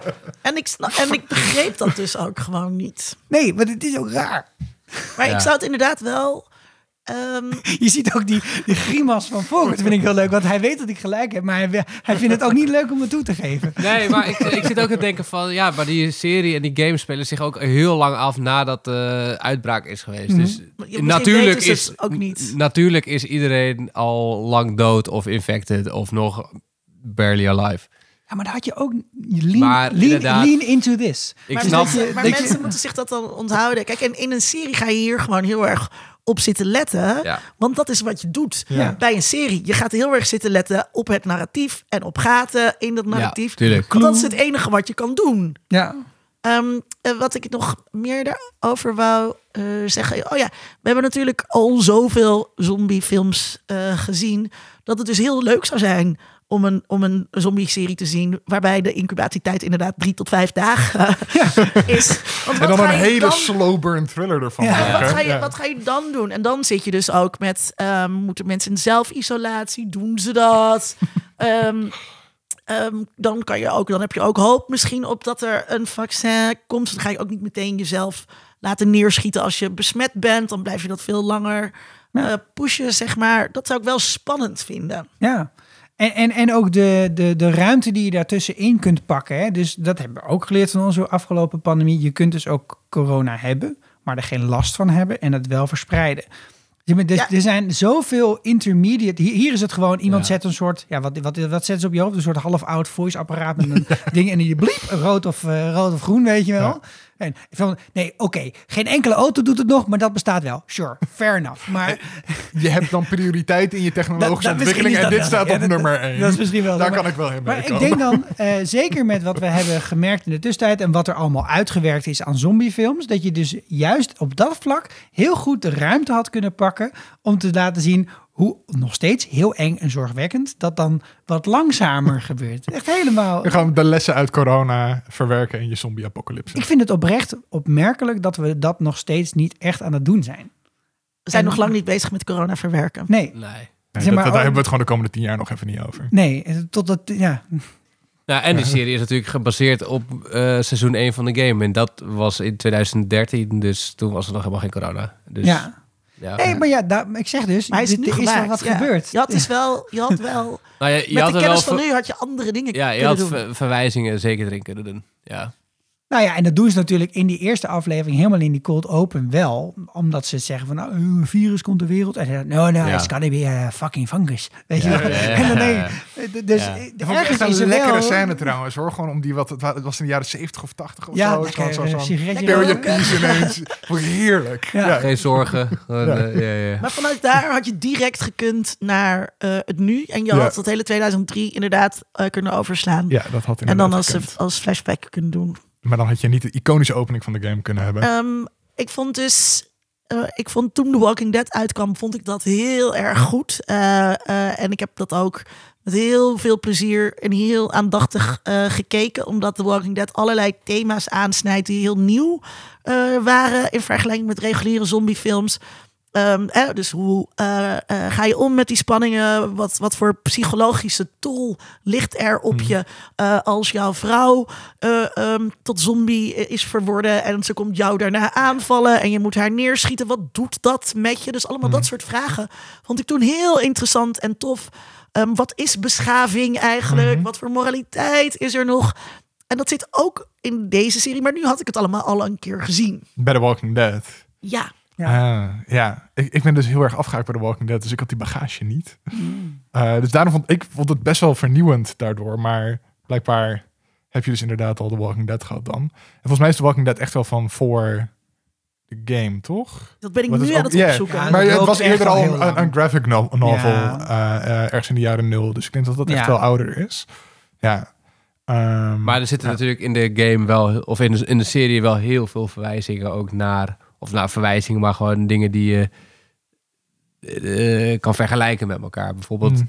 eh, in Maar aflevering, 2010 is Ja. de première van die serie. aflevering 7 is eh, volgens mij dat ze nadat de, dat Ellie die twee jagers ontmoet. Ja, eh, en Sam en... eh, ja, die, die kannibalen. Nee, dat is David en... eh ehm, Oh, sorry, ja. iemand anders. Sam is Ja, de, dat, Sam is dat eh, dat eh, die, twee kannibalen in ieder geval. En, Ja. eh, of dan is dat hele dorp eh eet, Ja. eet mensenvlees.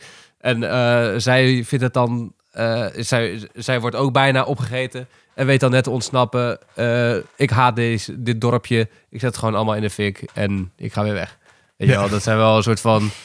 Ja, vind ik wel vet. Ja. Ja. En, en die post-apocalyptische wereld, hè, daar hebben we natuurlijk dus ook genoeg eh, eh, trial runs mee gehad in ed- etterlijke films. En eh, hè, dus zo vaak hebben we dat gezien. Ik ben wel benieuwd hoe, jullie, hoe realistisch jullie die wereld vinden. Gewoon even qua uiterlijk en hoe de dingen werken. Niet. Niet? Nee. 20 jaar is heel erg lang. Ja. En eh, ik ben ehm, in ehm Chernobyl geweest. En toen begreep ik pas goed eh, wa- waarom het is. Wat er, wat, waarom dingen altijd instorten. Huizen allemaal instorten en zo. En dat komt gewoon. ehm, dus eerst dan ehm, regent het dak nat en dan gaat het een keertje lekken. En dan op een gegeven moment de natuur komt heel erg van onderop. Uh, dus boomwortels, dat zie je hier ook uh, bij een fietspad. Als je dat niet goed bijhoudt, dan trekt die boom dat fietspad helemaal uh, ja. omhoog. En, en, dat, en zo'n boom is dan heel, heel sterk. Dit is 20 jaar en je ziet hier uh, bij snelwegen, het zijn Amerikaanse snelwegen, die zijn echt brak. Die zijn nu al. Ja. Die zijn nu al brak. Die zijn, van, die zijn van karton. Zie je af en toe een stukje groen gras of zo er doorheen steken. Terwijl dat, dat veel meer vervallen moeten zijn al die dingen hadden veel meer ingestort. Ja. Uh, en hoe zeg je dat? Uh, overgenomen door de, door de natuur oh, moeten zijn. Want dat gaat. Nou ja, kijk, Chernobyl um, was natuurlijk in 84. En um, ik was daar, nou, laten we zeggen, 30 jaar later. Um, maar ja, dat, dat gaat echt veel sneller. Dat is nu gewoon een bos, toch? Ja, die, die, die bomen hebben gewoon. Ja, je hebt dan gewoon. Chernobyl zelf niet. Hè, dus die, die, uh, die, die site, daar is ja. ook nog steeds. Daar, daar nog steeds, gewoon niks uh, er zijn nog steeds kerncentrales, is nog steeds in gebruik. Uh, ze hebben gewoon een hele grote koepel ja. uh, rondom ja. dat ding gezet. Waar, die, waar die uitbraak is geweest. Wat ik niet goed kon zien, want het miste toen heel erg. Oh. Maar uh, in, die, in, in die dorpjes daaromheen, waar mensen woonden. En in, ook wat je in die serie uh, ziet, er als zo'n stadje. Pripyat. Um, waar inderdaad het net een amusement park was gebouwd. En waar dat reuzenrad, zo'n reuzenrad staat. En dat is allemaal heel cool.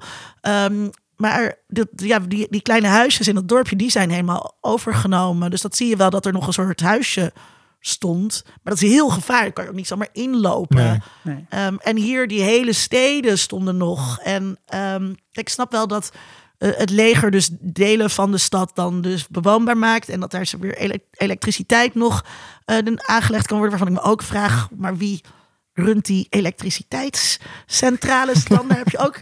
Nee, maar, maar allemaal over... zombies in zo'n heel groot wiel. Ja, ja maar, maar, maar waar we het over hadden bij, um, bij uh, The Leftovers... Ja. dat als um, er nog maar 2% van de wereldbevolking over is... Dan stort alles in. Dan stort alles in. Dan kan ja. je echt niet meer nog met een boot naar Australië. Nee. Dat gaat dan echt niet meer, want er is geen olie meer voor. Nee. En weet je wel, niemand op die boot werken. 2% is echt heel erg weinig. Dat vond ik ook wel grappig trouwens, omdat... Uh, um, hier hebben ze hier en daar nog benzine. En dan zegt ze wel iets over ja. uh, benzine bederft. Ja. Maar dat kost zoveel, zoveel jaar. Ik heb net dus Station 11 uh, gelezen. Een boek dat zich ook in een post-apocalyptische tijd afspeelt. Daar bestaat benzine al lang niet meer. Omdat benzine een houdbaarheid heeft, heeft er iets van twee jaar. Ja. Oh, dus ja. nooit dat wow. het Ja, 20 jaar. It's mostly water, Ja. zegt hij wel, Ja. maar het is nog steeds ja. Want, en wat, want wat, vond- wat vond jij zelf dan over hoe geloofwaardig die wereld Ik, is? vo- ik vind het fantastisch dat jij eigenlijk een, een heel erg mooie segue maakt door de, de andere serie van Craig Mason te noemen, Chernobyl. Ja. En ik vind het. Oh, dat heel- dacht ik niet eens aan, maar ik vind het heel raar dat hij niet. Hij is daar ook geweest. En Hij ik weet heb een fucking hele HBO-podcast-serie van de. de, de wat praat nog eens na. Eh, heb ik me, dat, dat hij niet juist ook degene is die zegt: Ja, maar weet je, je bent zo ziet het er dus niet meer uit.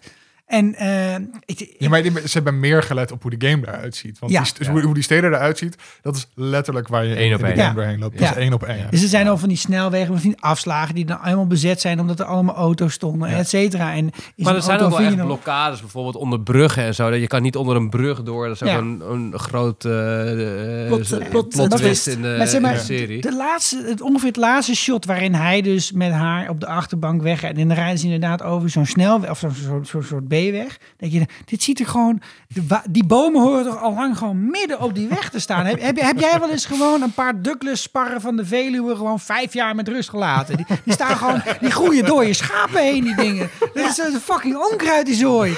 En, no way dat die snelwegen nog begaanbaar Ja, dat Die ook zijn helemaal, dat asfalt is gecrackt. En, eh, Nou, en ik denk ook dat je dus wederom daar heel veel meer mee kan. Dat je zegt, nou maar 20, wat, dat je echt even gaat zitten van jongens, 20 jaar. Probeer je eens voor te stellen, 20 jaar. Oké, heb, je een- heb je een beeld? Dit is wat het is. En dat je dan een foto uit Chernobyl laat zien en zo. This is what I want. Voor. En dan, en dan ook zegt, wat betekent dat dus voor de game? En wat eigenlijk, voor, eigenlijk voor, de, voor de verloop van het verhaal. Wat betekent dat nou? ik, ik zou dus ook verwachten dat ehm, je, als je, om die dus te verplaatsen, veel meer gebruik zal maken van dus ouderwetse verplaatstechnieken. Bijvoorbeeld ehm, waterwegen. Mhm. Eh, dus eh, dat lijkt me ook relatief veilig over zo'n eh, rivier. Want volgens mij nooit zombies gaan die Nee. zombies gaan dat water eh, eh, niet in. Je kan met een bootje kan je heel snel. Of inderdaad, je wil sowieso een paard hebben en helemaal niet een auto. We hebben op een gegeven moment paarden. Ja, Ja. maar dat is pas later. Ze, ze be- beginnen met, terwijl een paard lijkt me zoveel waardevoller. Dat is echt, het moet het most coveted possession zijn Ja. natuurlijk. Maar desnoods een os of een koe of een ezeltje. Een ezel. Een Ja. ezeltje, alles wat we vragen. Dat is, maar dat is wel hoe mensen zich eh, vroeger over Ja. langere afstanden gingen verplaatsen. En wat veel meer sens maakt. Ja. Fucking, ik ben wel fucking baas als je een giraf hebt. Ja, als je op een giraffendorp komt binnenrijden, dan ben je wel baas. En ik vraag me af, waar, waar maak je nou de teugels vast? Helemaal zo daarboven? Ja. Dat ziet toch heel raar? Dan zie je dit als een soort Pinocchio in jouw film. Nee, goed, oké. Dus misschien beter Eh, als je... ge- genoeg even over de fysieke wereld. Ik wil naar de mentale wat, wereld. wat, of maar over... wat, vonden, wat, wat, wat, vond- vinden jullie dat het er realistisch reali- uitziet? Nee, maar wel heel mooi. Jawel, heel mooi. Ja, Het is dus wel dat is een beetje de spagaat Ja. waar ik in zit. Ik Ja. vind het heel lastig om, de, om... Kijk, eh, ik ben opgegroeid in Nederland en ik woon hier al mijn hele leven. En hier wordt alles bijgehouden. En ik heb geen idee wat er gebeurt als je Ja. 20 jaar... Zelfs bossen worden hier bijgehouden. Dus ik weet niet wat er gebeurt als je 10 jaar, of laat staan 20 jaar niks doet. Ja, eh, ik, ik heb gewoon gekeken. Lijkt het op de game? Ja, het lijkt op de game.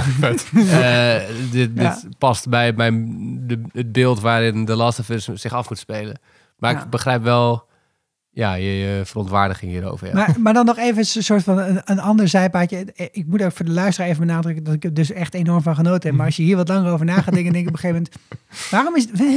Zeg maar, als je gewoon bij elk van ons vieren even het huis binnen zou lopen...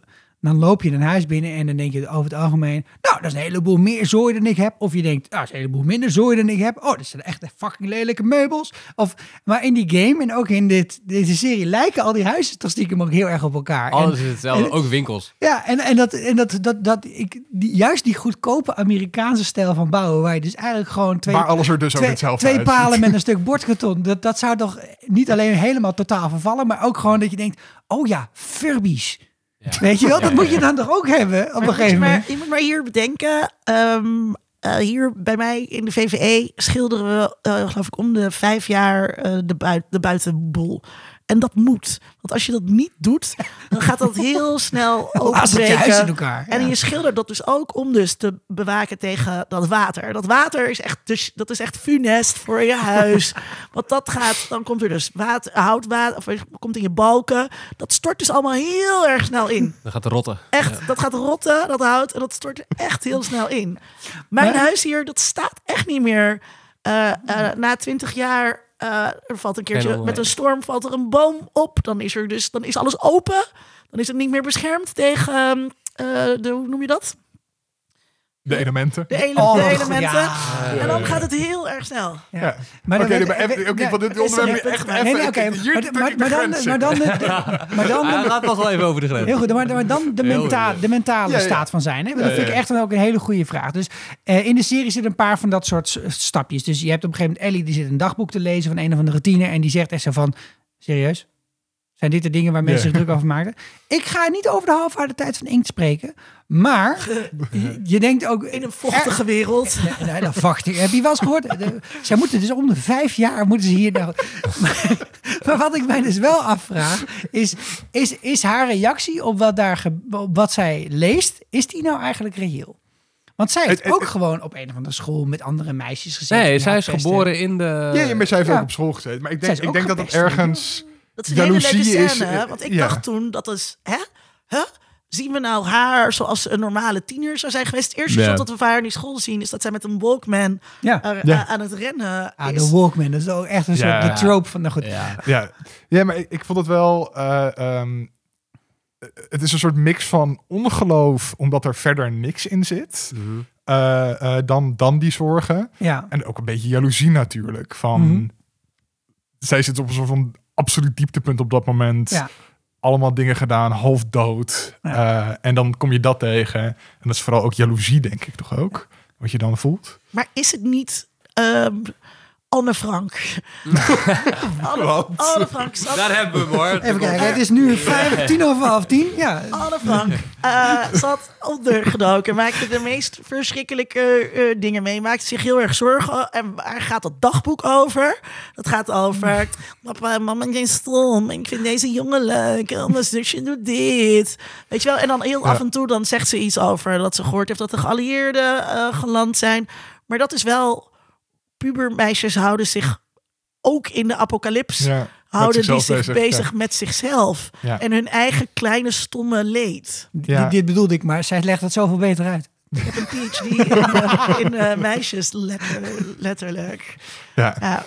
Maar ja, dus, dus Ja, ehm, ja, ik vind dat dus wel, wel de- dus die menselijke relaties, dat, dat is waar deze serie om draait.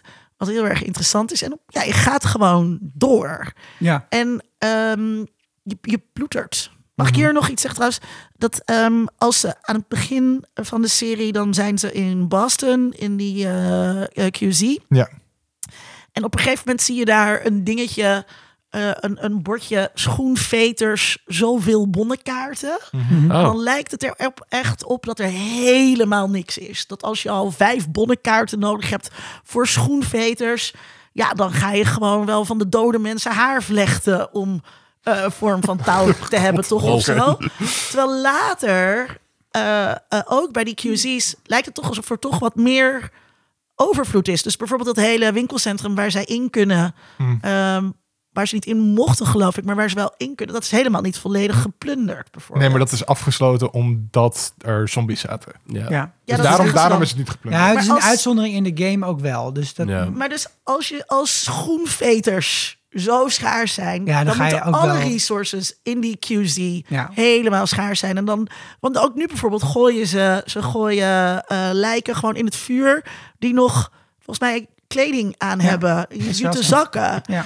Dat, ja, maar goed, Ja. je gaat dus op dit soort dingen zitten letten als je achterovergeleund op de bank zit. Nou, en, en ik, heb, ik heb wel eens een keer deze gedachte gehad. Toen moesten wij een nieuw eh, bestek kopen. En toen bedacht ik mij dat er dus eigenlijk minstens 3 miljard bestekken moeten zijn op deze wereld of zo. Dat er gewoon, nou, waarschijnlijk in sommige landen eten ze natuurlijk met stokjes en soms alleen met een lepel. Maar laten er dan Met 1 handen. miljard Ja. bestekken zijn. Dat, dat er gewoon, en dat hebben mensen in huis. En heb je- ik bedoel, jij hebt toch ook gewoon zes vorken op zijn minst of zo in huis, zes lepels. Ja, Ja, Weet je, als je nou... Zij, zij, gaan op een Ja, ik ben een luxe jongen. Ik heb al meer dan zes vorken. zij, zij gaan 44 verdiepingen omhoog in een gebouw. Om daar te gaan lopen slapen. Ja. Liggen, liggen slapen. Ja. Da- dan, dan moet er toch eigenlijk ook wel echt heel veel meer zijn in deze wereld. Als er ook zo tafels veel mensen zijn doodgegaan. Dus dat, ergens vind ik het schaarste element van de game en ook van de serie heel erg leuk. En aan de andere kant denk ik ook, maar er is toch ook gewoon echt fucking veel shit gewoon. Ja, maar dan moet En je dan ga je shit toch gewoon vinden. maken? Ja. En je moet toch al die, die shit toch gewoon kunnen omsmelten tot iets. Ik weet heus wel dat je van een, van een paar lepels van de HEMA geen revolver maakt. Maar Maar bijvoorbeeld, een je, goede ziet- je 3D-printer. ziet ze best wel vaak in een auto rijden. En dan rijden ze langs eh, eh, andere auto's. En denk ik van, pak even een reservewieltje mee. Ja. Of eh, weet ik veel wat. Brandblussetje. Ja, ja de- neem het ervan. Want- snacken? touw! Ja, ja. ik noem maar wat. Nee, maar inder- inderdaad, het, het- dat is wel een beetje, ja, weird of zo. Ja, dus het, Ja. het Zaten coole- jullie daar ook zo op te letten? Nee, dit is echt de, de eerste keer dat ik hierover nadenk. je, je vindt het ook helemaal niet leuk. hè? We, we moeten iets anders gaan doen. Nee, nee, het is prima. Als jullie het daarover willen hebben, dan vind ik dat helemaal mooi. Maar eh, nee, ik, ik had er gewoon niet op gelet. Het was mij niet op die manier opgevallen. Kijk, ik eh, ben gewoon heel erg beïnvloed door die game. En die game was een hele mooie ervaring. En eh, daar heb ik niet heel eh, kritisch naar gekeken misschien. Eh, en met die serie moet ik wel eerlijk zeggen dat ik daar anders naar keek dan bij de, bij de Hmm. game. Maar bij een game heb je toch ook een veel grotere um, eh, suspension of disbelief. Het is gewoon, oké, dit is de wereld waar ik ingezet Ja, en word. ik weet ook dat het level design is. Ja, Ja. Dat mijn gewoon- taak dat is, nu anders. om blokjes te gaan rangschikken. Want het spel dat ik speel is Tetris. Ik moet weer een En ladder er zoeken. staat, Ik moet weer een ladder zoeken. ja, Ja. er staat heel veel op het spel. Ehm, maar, en dat is gewoon, dat is anders dan, eh, dan bij zo'n bij zo'n serie. Ja. Serie wil je toch realistisch zijn in die zin. Ja. Ehm, ja, ik wil toch richting het einde eh, toe gaan, jongens. Eh, en Nu al? ja, nu al? Nu al, sorry. Oh. Ehm, maar zijn we bezig? eh, nu een uur en twintig minuten. Oké, snel, snel. Maar, mogen we dan nog zeggen wat onze favoriete aflevering was tussendoor? Even oh ja, als jij, Ja? als jij nog even je favoriete aflevering Nou, omdat het allemaal van die prachtige mooie mini-verhalen waren. Mhm. Eh, en, en, dus, dus Bill en Frank. En dat is eigenlijk natuurlijk de beste aflevering. Hè? Dat snap ik ook wel. Dus Mhm. dat is dan niet zo'n heel interessante discussie. voor Maar wa- ik wil wel één ding vragen. Was jij er klaar voor? Was- Zat jij daar van, eh, kom maar? Of was het zo van, what the fuck? Eh, nou, ik, ik zag dus de derde aflevering zag ik voordat ik daar was in de game. Dus ik had Oh, gewoon helemaal ja. geen referentiekader. En ik, eh, ik zag toen wel later al van, nou, je hoeft niet zoveel te verwachten van de game, want dat zit er allemaal niet in. Nee. Mhm. Maar ja, dat- dat- ik vond dat echt fenomenaal. Ik denk dat je dat in zijn eentje had uit kunnen brengen als film. Zo goed vond ik het. En Ja. ik vond het ook heel leuk om deze acteurs daarin te zien, die ik allebei om hun eigen eh, achtergrond als acteur eh, en in hun rollen heel erg bewonder en heel erg leuk vind.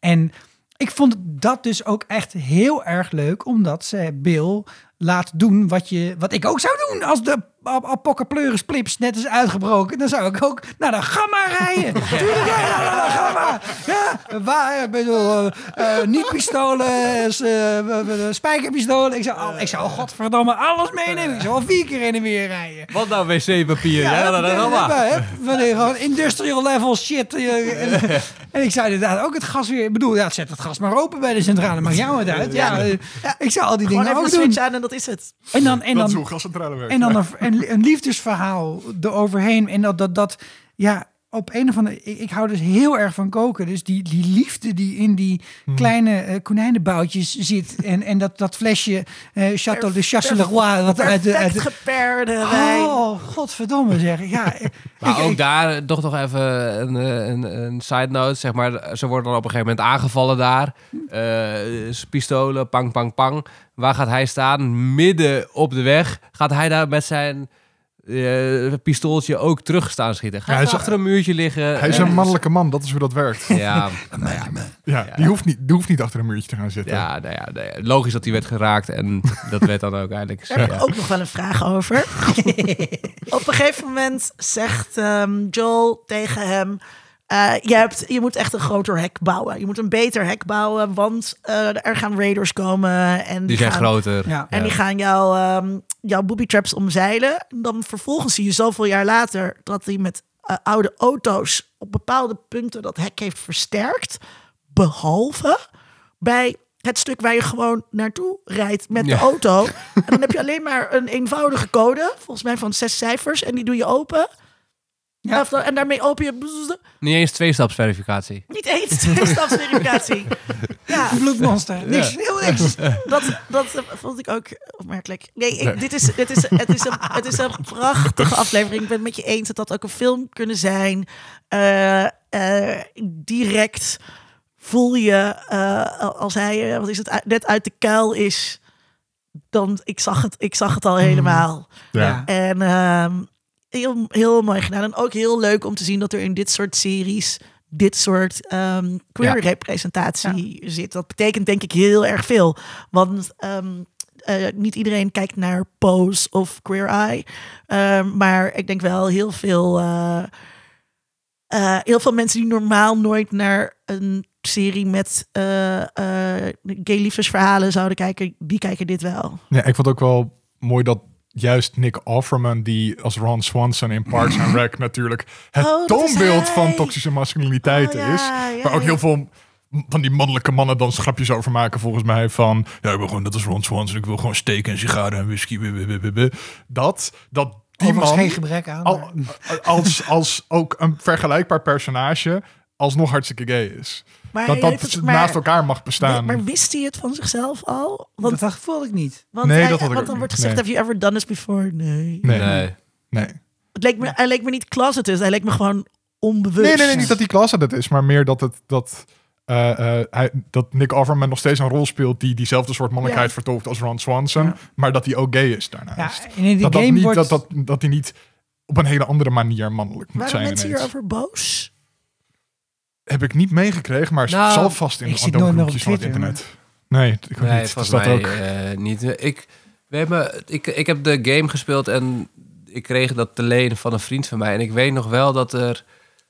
Hij vertelde dat er wat kritiek was op de game vanwege de queerness die hij had. Dus dat, dat, dat, maar dat is wel- toch niet de queerness van Bill? Niet de queerness van Bill, maar gewoon in het algemeen dat het best wel een open-minded game is in die zin. Ja. Ehm, maar op de serie heb ik daar helemaal niks aan. Het Nee. meer op die- game die 2, game dat was dan echt een de deel, de part 2, eh, daar, daar was echt een heel cultuuroorlogen ding om. Dat weet ik nog wel, dat er heel veel heisa was. Ik heb hem niet gespeeld, Ja. dus ik weet niet waarover, maar er was heel veel heisa Ja. aan part 2. Oh, maar alsnog heel veel eh, goed verkocht en veel Ja. gespeeld. Ja, dus, maar eh, wel een ding, ja. Ja, want, want de, er is dus wel ook in de game... Jij vroeg het net even snel tussendoor van... Is de game ook queer? Want ja, Ellie en Riley en... eh, eh, ik, ik heb mij wel afgevraagd... Je moet dat wel zeg maar bedenken natuurlijk als maker van een game. Van trouwens, ze is bi of ze is lesbisch of ze is queer. Eh, ik vraag me af waarom ze dat eigenlijk doen. Zeg maar, Wa- wat... wat van die gamers, van die, van die, van die echt zo'n zo'n zo'n nerdosfeer, zeg maar. mhm.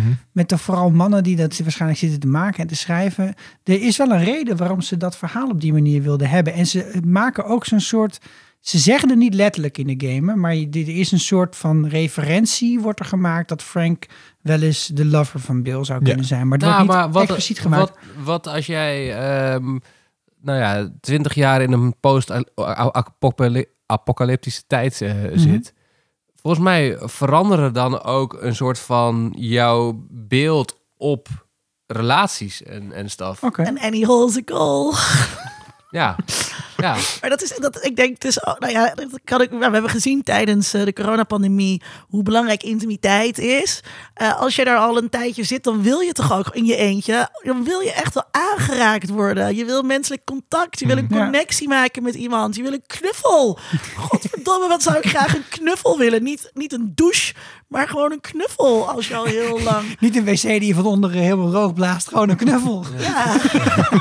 dat, ehm, eh, dus, dus eh, dat, dat, ik begrijp dat heel goed als, je, als er een apocalypse heeft plaatsgevonden, dat ook je seksuele voorkeuren eh, kunnen veranderen. Ja, Ja, maar dat, ze dat die wat ineens wat minder vast zijn. Maar, eh. maar nou ja, ze kunnen ook juist heel conservatief worden. Ik heb trouwens wel gehoord van mensen. ja jij zou naar de Eh, gamma rennen en eh, dat Nou ja, nooit. maar de Handmaid's Tale is een verhaal wat eigenlijk eh, en Ja, ook de- soort van toevallig wel heeft ook wel heel sterk natuurlijk ook een, een bepaalde oorsprong en een en, en, een eh, en een leidmotief van, eh, van eh, te weinig vruchtbaarheid. Maar je, je kunt ook de hele andere kant op redeneren. Ja, Dus maar ik- dat, is dat zie je met David eh, en, en die cannibalengemeenschap. Dat is wel, Ja. eh, hij is pastoor en hij is leider van die gemeenschap. Dus ja, daar zal ook iets conservatiefs zijn. Ja, eh, Ik heb trouwens over wel tijdens corona gehoord van eh, mensen die eh, eh, eigenlijk eh, vanuit het niets gingen experimenteren met hun huisgenoot van hetzelfde geslacht. Ja? Eh, omdat eh, andere manieren hem niet mochten. En hey, waarom niet? en ik hols a goal, blijkbaar. Ja. Hm? En een Annie Hossicle. En, en dus dat gebeurde. En andere mensen werden heel conservatief. ja. ja. Dat gebeurt allemaal. En dat is natuurlijk wel wat zo cool is aan wat je allemaal kan met... Ja, dat is een eh, post-apocalypse apocalypse. breekt de Ja. samenleving over. En dan Ja. kan je ineens andere toekomsten gaan bedenken. ja. En dat is ook wat je ziet, dat je allemaal verschillende soorten gemeenschappen ziet natuurlijk door de hele serie heen. Ja. Van kannibalen tot eh, eh, een, een soort Franse terreurachtig eh, gebeurd. Naar vreedzame communisten, naar een militaire dictatuur. Komt allemaal voorbij zetten. ja. Ja. Ja. Maar, zeg maar, ik hoop niet dat ik verkeerd begrepen word, maar de vraag stel ik omdat je ergens moet besluiten, ook als schrijversteam en dan ontwikkelaar van zo'n game, van oké, maar ze is dus eh, lesbisch of ze is queer. En ik, ik vraag me gewoon af waar, wat, wat zeg maar voor het verhaal bijvoorbeeld hier de reden is om dat te doen of waar dit vandaan komt voor jullie gevoel. Ik, ik, ik kan het gewoon niet zo goed. Ik denk bij die twee mannen vanwege het verrassingselement. ja, Ehm, ja, dat is want dan, dat, ja. Want dit- die, die, ja, die twee, vooral die ene ruwe bolster, daar kan je dan iets heel moois over vertellen. Daarom zou het ook een hele goede film zijn. Ehm, bij Ellie weet ik dat eigenlijk niet. Ik, heb, ik had niet het gevoel dat het een soort verplichte diversiteitskaart was die nee. gespeeld, eh, die gespeeld moest worden. Maar ja, als, als schrijver van zijn verhaal kan je natuurlijk ook gewoon aanvoelen van... Dit personage is dit gewoon. ja. Ja, of je dat, hebt het, of je dat belangrijk vinden. Ja. Ja. Of dat die representatie erin zit, dat je dat gewoon doet met een van je main characters. Ehm ja, de eerste seizoen was de hele eerste game. Wat verwachten we van de volgende seizoenen? Moeten we nu lang gaan wachten? Gaan ze verhalen tussen de twee games in vertellen? Wat, wat, wat verwachten jullie en hebben jullie er zin in? Ik heb er sowieso zin in, maar ik denk dat ze gewoon de tweede game pakken. Ja, want maar daar, Want daar een refereren ze al- ouder, toch? Ja, maar daar refereren ze wel aan aan het einde van de eh, seizoen 1. Ja? Eh, En wat dan?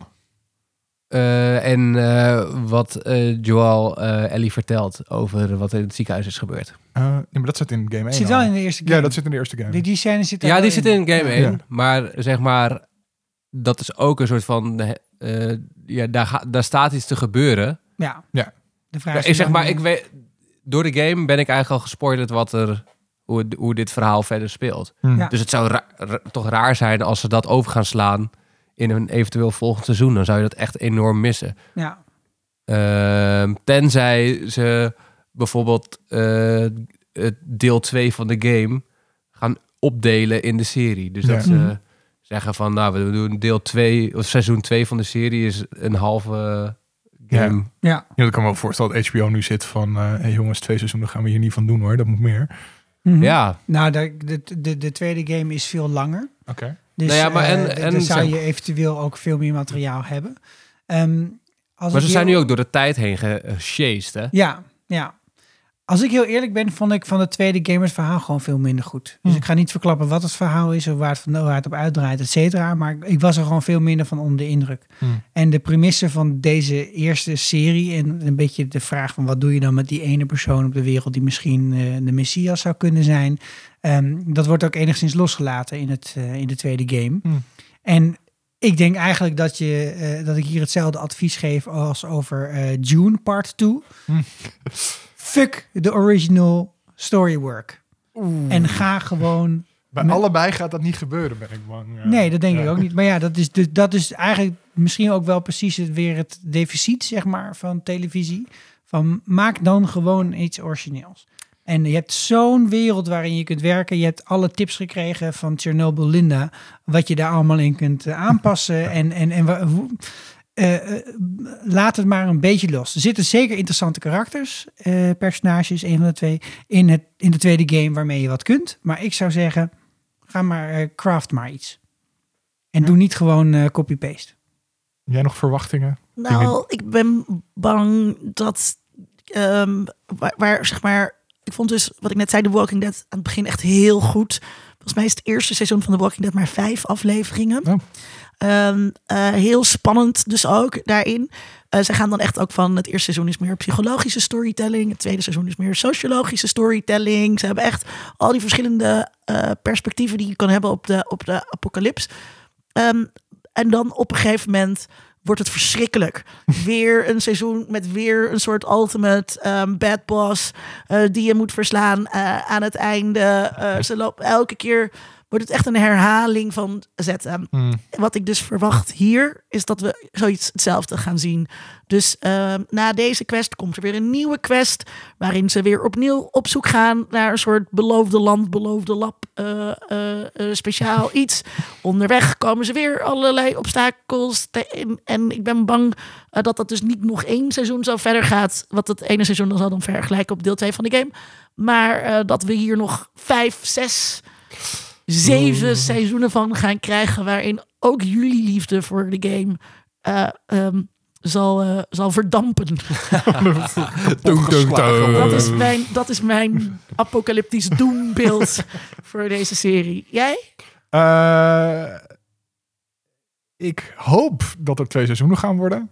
Of drie, als ze dan inderdaad ervoor kiezen om de tweede game op te splitsen. Dat is mijn, mijn hoop. Ik hou heel erg van korte verhalen. Ik hou het lekker compact. Films hoeven geen 3,5 uur te zijn. Series, geen- series geen zes seizoenen. Nergens voor nodig. Doe het lekker niet. Eh, Behalve Game of Thrones. Nee, had ook kort, kort gemogen. George R. R. Martin had gewoon nergens dat hoeven doen. Nee, te veel. Oh nee. Te veel boek. Sorry, ja. Korter. Allemaal korter. Korter, Eh, korter, mand. korter. Ja, mand. Ja, 15 seconden. dat is alles wat ik wil. nee, dat is flauw. Maar eh, over het algemeen, ja, korter is toch wel beter. En ik hoop gewoon inderdaad... Mijn angstbeeld is zeven seizoenen. Mijn hoop is twee. Mijn verwachting is drie of vier. In a world. In a world. World. World. World. In a world. Goed, we gaan door naar de vooruitblik. Eh, waar hebben jullie de komende tijd zin in, Chico? Eh, er is maar één serie waar ik echt naar uitkijk. En dat is het laatste seizoen van Succession. Ja, ja, ja. Ik ben heel benieuwd hoe het met Tom gaat, gaat aflopen. En, Ja, ja, ja, ja. en ook met de rest. En eh, daar heb ik gewoon heel veel zin in. Mhm. Dat is echt een verhaal wat mij grijpt en wat me boeit. De, En- de vorige keer, toen ik eh, toen, eh, toen ehm, eh, heb, heb ik ook hier op vooruit geblikt. En toen was nog niet duidelijk of het het ene laatste of het laatste seizoen zou laatste, worden. toch? Dit is Ja. het laatste. Perfect. Verandert dat ook? Maakt dat uit voor jou? Ja, dat betekent dat ik er nog veel hogere verwachtingen van heb. Had je het anders, eh, want, want wij zaten toen een beetje dat we het ook dat we een beetje bang waren dat het het ene laatste was, want die already. Ja, en precies. Nou is het wel klaar. hè? rond het af. Ehm. En daardoor was ik er een beetje angstig voor.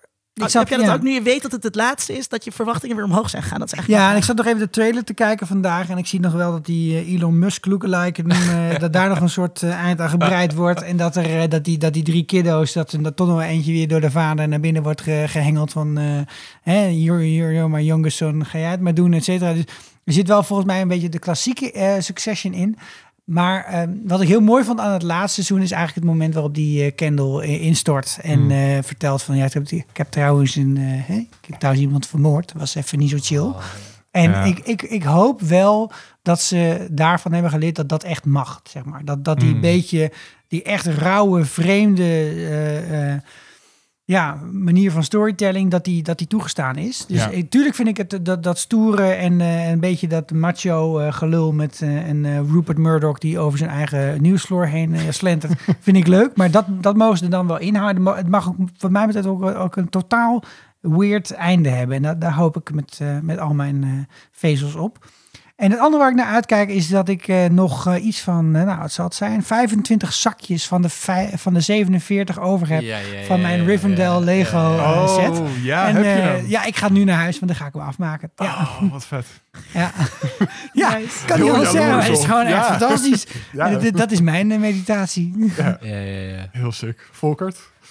Ehm, ik, eh, nou natuurlijk ook Succession. Eh Ik dacht fantastisch. je natuurlijk ook Rivendell, maar dan, nou ja, Lego eh, ook leuk, maar nu, even- nu even niet. Ja, ik ben mijn huis aan het verbouwen, dus ik kan nu niet chill kijken. Eh, maar zodra dat klaar is, kijk ik heel erg uit Wordt dit om... ook een zesdelige podcast? ja, in gelul kun je niet kijken. Je gelul kun je verbouwen. Eh, nee, dat ga ik jullie besparen. Maar eh, ik kijk er heel erg naar uit om op een of andere manier aan een PlayStation 5 te komen en dan ehm, de Harry Potter game te spelen. Oh ja. Hogwarts Legacy. Hogwarts Legacy.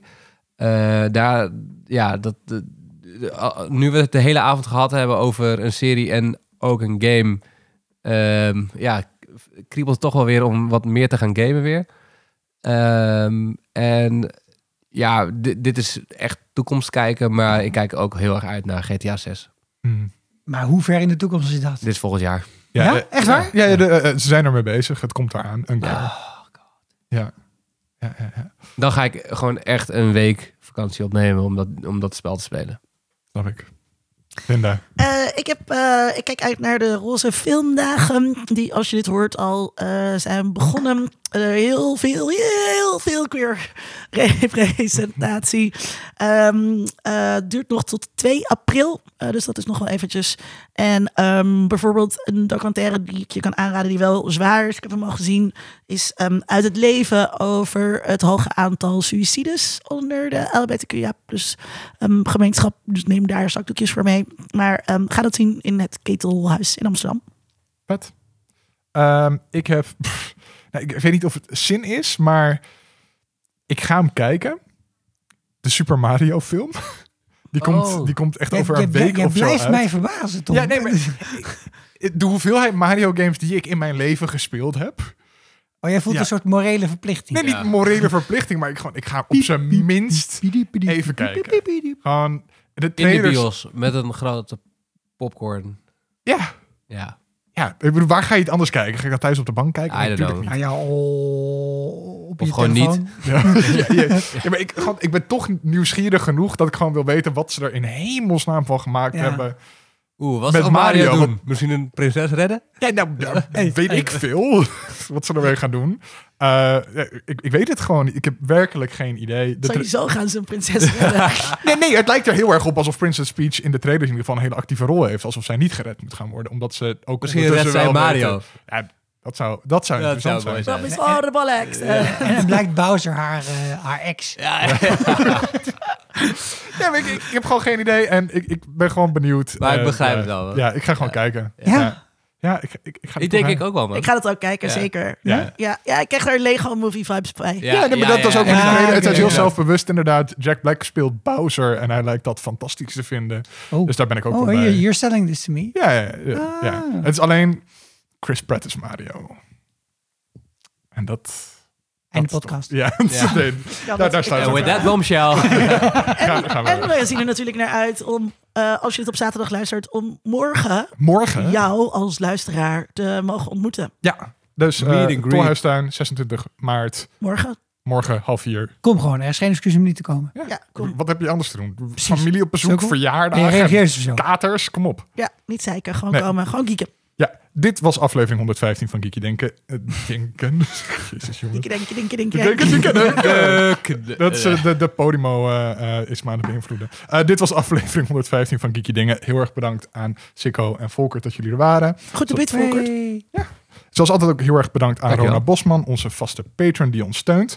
Wil je net als haar genoemd worden of ons verder steunen? Doe dat dan op Patreon of vriend van de show. Daar help je de show mee. Zoals, ook- zoals ook altijd heel erg bedankt. Linda. Jij ook, mede Tom. Ja, graag gedaan. Uh, dit was Kiekje Dingen.